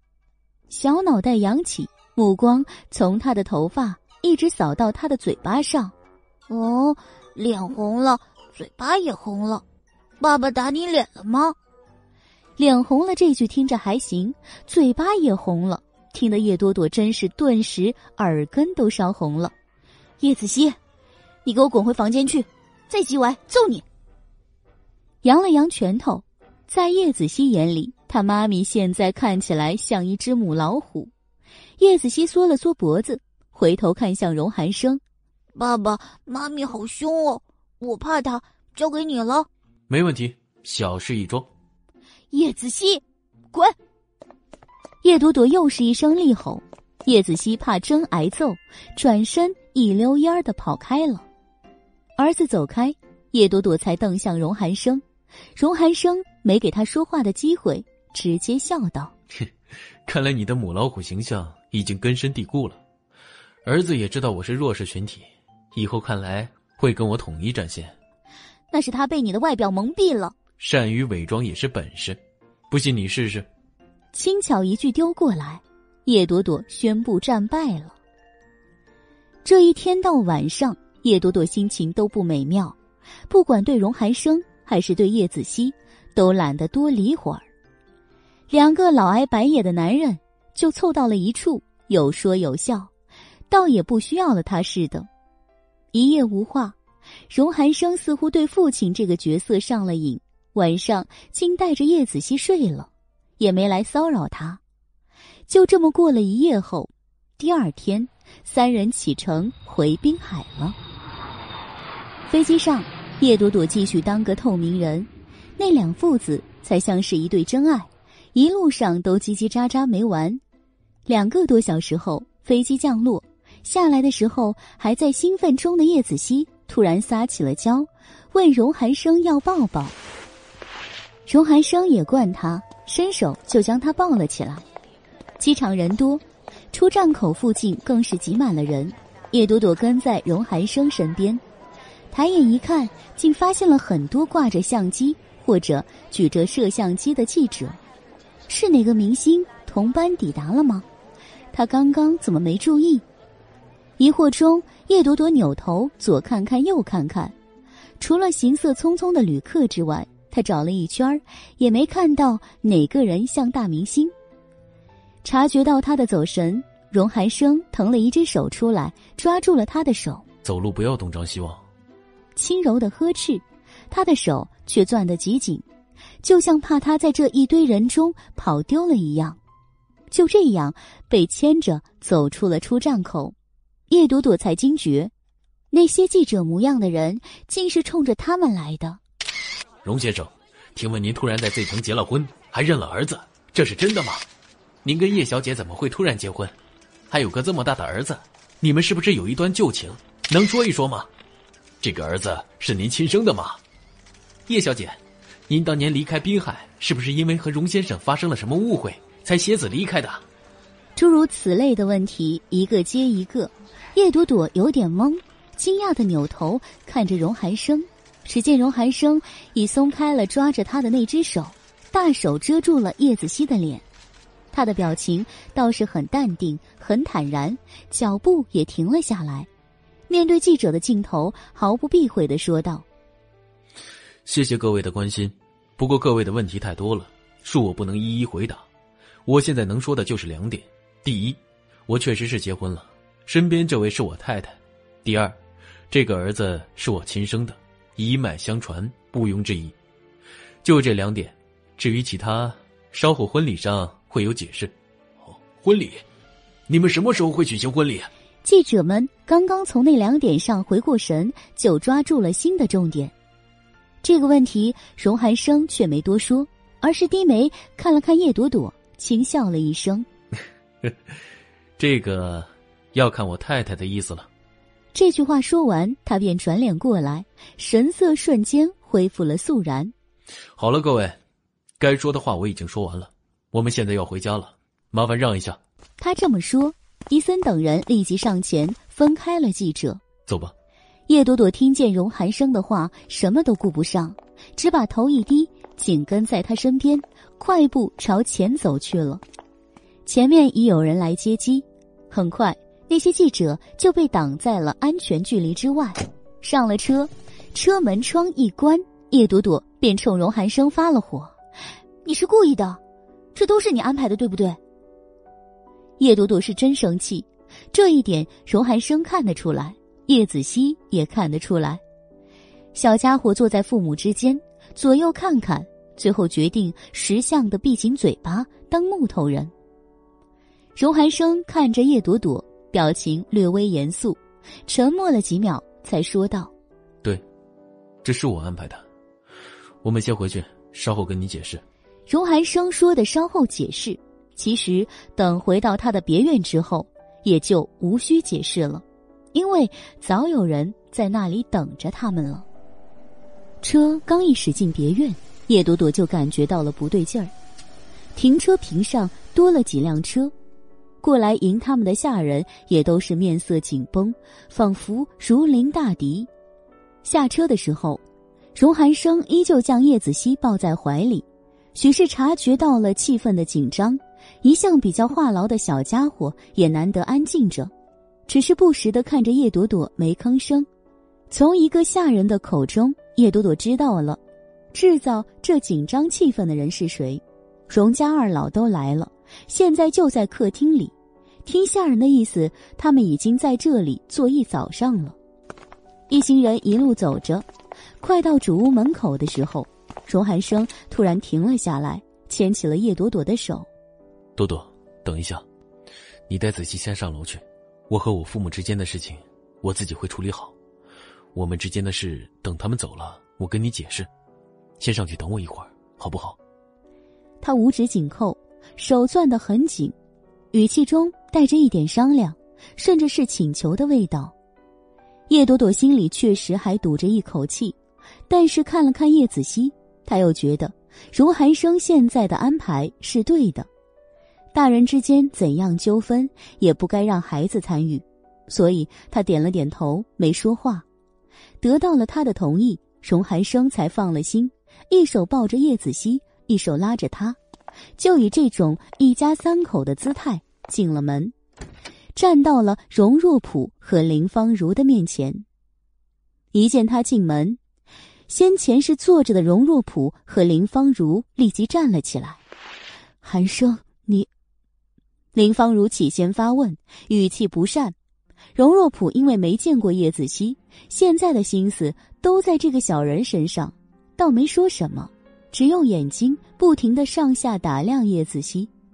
荣寒生没让林芳如说完，便语声肃然的说道：“妈，不要吓到孩子，让朵朵带他上去。”我们的事，我们自己说。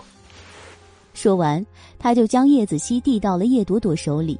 叶朵朵抱过叶子熙，看了荣家二老一眼，也没说什么，低头就上了楼。林芳如脸阴的可怕，转眼看着叶朵朵，想说什么，却被荣若普一记犀利的眼神给扫了回来。寒生说的对，大人的事情大人解决，不要牵连孩子。荣若普发了话。林芳如这才将脸扭过来，瞪着他自己的儿子：“你说这到底是怎么回事？怎么一夜间全滨海都在传你结婚了，还有儿子了？这孩子，这孩子到底是不是你的？”在荣家二老的心里，眼下这个问题才算是重中之重，毕竟关系到子嗣，关系到血缘。这个问题不搞清楚，其他什么都谈不上。因为焦急，林芳如和荣若普都没注意到荣寒生疲惫显白的脸色，荣寒生也没顾及上自己身体上的那点不适，就站在那里朗声便道：“是，子熙是我儿子，亲生的。我做过 DNA 对比，爸妈需要看的话，我可以提供。”一语石破天惊，林芳如和荣若普都愣了一下。在荣寒生回来之前，两人就商量过了，最后的意见是倾向于叶子熙并不是荣家的种。荣寒生是因为被叶朵朵所迷，才连招呼都不打就对外宣布结婚的。但是现在，荣寒生如此肯定的说，那孩子就是荣家的骨肉，这……二老对视了一眼，沉默了一会儿，林芳如才转过来，脸上颇带质疑的道。DNA 也可以作假，只要你有心，路边捡个孩子回来说是我们的孙子，都不是不可能的。寒生，这一点说服不了我们。荣若普虽没立即说话，但看得出来，他对林芳如的话很认同。林芳如说着，他也在旁点头。荣若普平时强势，在集团事务上，在家里都是这样，但是这件事。他今天的态度还算温和，他觉得还是先等弄清了孩子的血缘再说，要打要骂都不着急，着急的就是那小东西到底是不是他的孙子。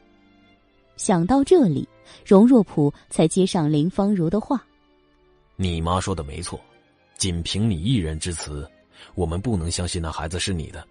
韩生，我也奉劝你一句，这件事你自己一定要想清楚。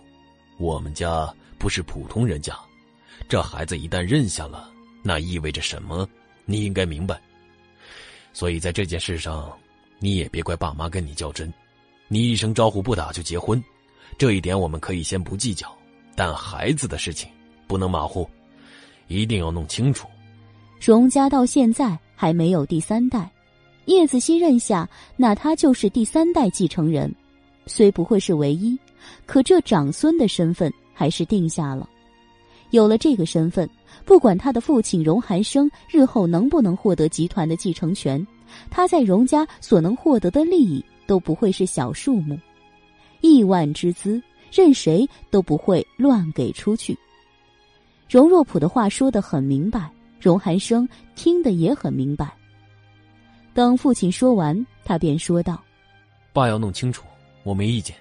但是我刚刚已经说了，我做过 DNA 鉴定，你们不信我也没办法。我跟叶朵朵六年前就认识，她有了孩子之后才离开的。若不是之前就有情，我也不会在她回来之后就跟林寒退了婚。他和叶朵朵一夜情那件事，只是他们自己的隐私，他不会把这个隐私告诉别人，父母都不例外。”所以他故意编了这样的说辞，听着他这些话，再想着他执意退婚时的坚决，不管是荣若普还是林芳如，都有几分相信。但还是那句话，现在他们还管不到叶朵朵的头上去，他们迫切的想知道叶子熙到底是不是货真价实的荣家第三代。想了想，林芳如决定直奔主题。张口便道：“我和你爸爸现在不想听你和那个女人之间的前尘旧事。现在，我们要带那个孩子去重新做鉴定。你的话我们信不过，我们要重新找鉴定机构重新做一次鉴定，确定好了他到底是不是荣家的骨肉之后，剩下的事情再来谈。”这话透着坚定，深得荣若普的心。他一说完，荣若普立即附和道：“对，这个血缘关系，我们荣家需要重新做鉴定。如果这孩子真是你的，我们自然不会亏待；但如果这孩子跟你没有关系，韩生，别怪父母干涉你太多。你这段婚姻，我们绝对不可能答应。就算你现在故意弄得满城风雨，逼得我们骑虎难下也没用。我们荣家。”绝对不能允许一个带孩子的女人进门。荣若普说到这里，一直隐忍的怒气也不由得带了出来，神色颇为犀利。荣寒生见他直言挑破自己的心思，也低眉沉默了一会儿。不过，那也只是一瞬，再挑起眼眉时，他的眼中坚定并不比荣若普少。重新做鉴定的事情，我不能答应。你们愿意信我就信。不愿意相信，我也没办法。但是，我不会再做第二遍鉴定。他此言一出，荣家二老都愣了一下。为什么不行？这有什么难的？林芳如生气的提高了音量，荣若普也皱着眉，面色阴沉的盯着荣寒生。荣寒生看了父母一眼，淡淡的说道：“因为没有必要，我相信我自己的眼睛。这种事情做一遍即可，做第二遍。”就是侮辱，侮辱，对谁？叶朵朵。林芳如反问，继而冷笑：“哼，她这么莫名其妙的就成了我的儿媳妇儿，我难道连查都不能查一下？她要是真不让我查，那她就是心里有鬼。这孩子根本跟你半毛钱的关系都没有。”妈，荣寒生也加重了语气，眉宇间多了一抹对母亲少有的吝啬。不只是对叶朵朵。对子熙也是一样，我已经给他做过一次亲子鉴定了，再让我去做第二次，我怎么跟他解释？还有，面对这样的家人，他的感觉恐怕没有什么温暖可言。所有人都在怀疑他，你让他怎么来认同他自己这个身份？叶子熙，叶子熙只是个孩子，拔根头发的事情，一定要跟他说那么清楚吗？林芳如颇不认同荣寒生的话。荣若普在旁眉心紧蹙，盯着荣寒生，若有所思，并没有立即说什么。荣寒生看着完全不把孩子当回事儿的林芳如，心中颇为失望，语气悠悠一沉，说道：“子熙是个很聪明的孩子，说不说清楚，他都能察觉到。如果妈执意认为这件事里完全不用考虑他，不用考虑我和朵朵的感受，那我也没什么好说的了。总之这件事我不答应。孩子，你们认不认？他都是我儿子，我认了。你，你。”林芳如气得伸手指着荣寒生，一时间说不出话来。楼下母子两人剑拔弩张的时候，楼上待在卧室里的叶子熙也依偎进了叶朵朵的怀里。妈咪，奶奶他们是不是不欢迎我啊？我看他们很生气的样子。嗯，他们好像不希望我们跟爸爸在一起，为什么呢？智商卓越的小东西，在大人这些乱七八糟的情感关系面前犯了难。叶朵朵低头看着叶子熙毛茸茸的脑袋，凝神沉默了一会儿，问道：“子熙，你跟妈咪说实话，你是真的很想待在荣寒生身边吗？”哦，叶子熙扬起了小脑袋，瞪着圆溜溜的眼睛看着叶朵朵，看了一会儿。他才试探的问道：“那个，我要是说我确实很想我们一家三口在一起，妈咪你会不会不高兴啊？”感谢您收听都市言情小说《总裁的恶魔小七》。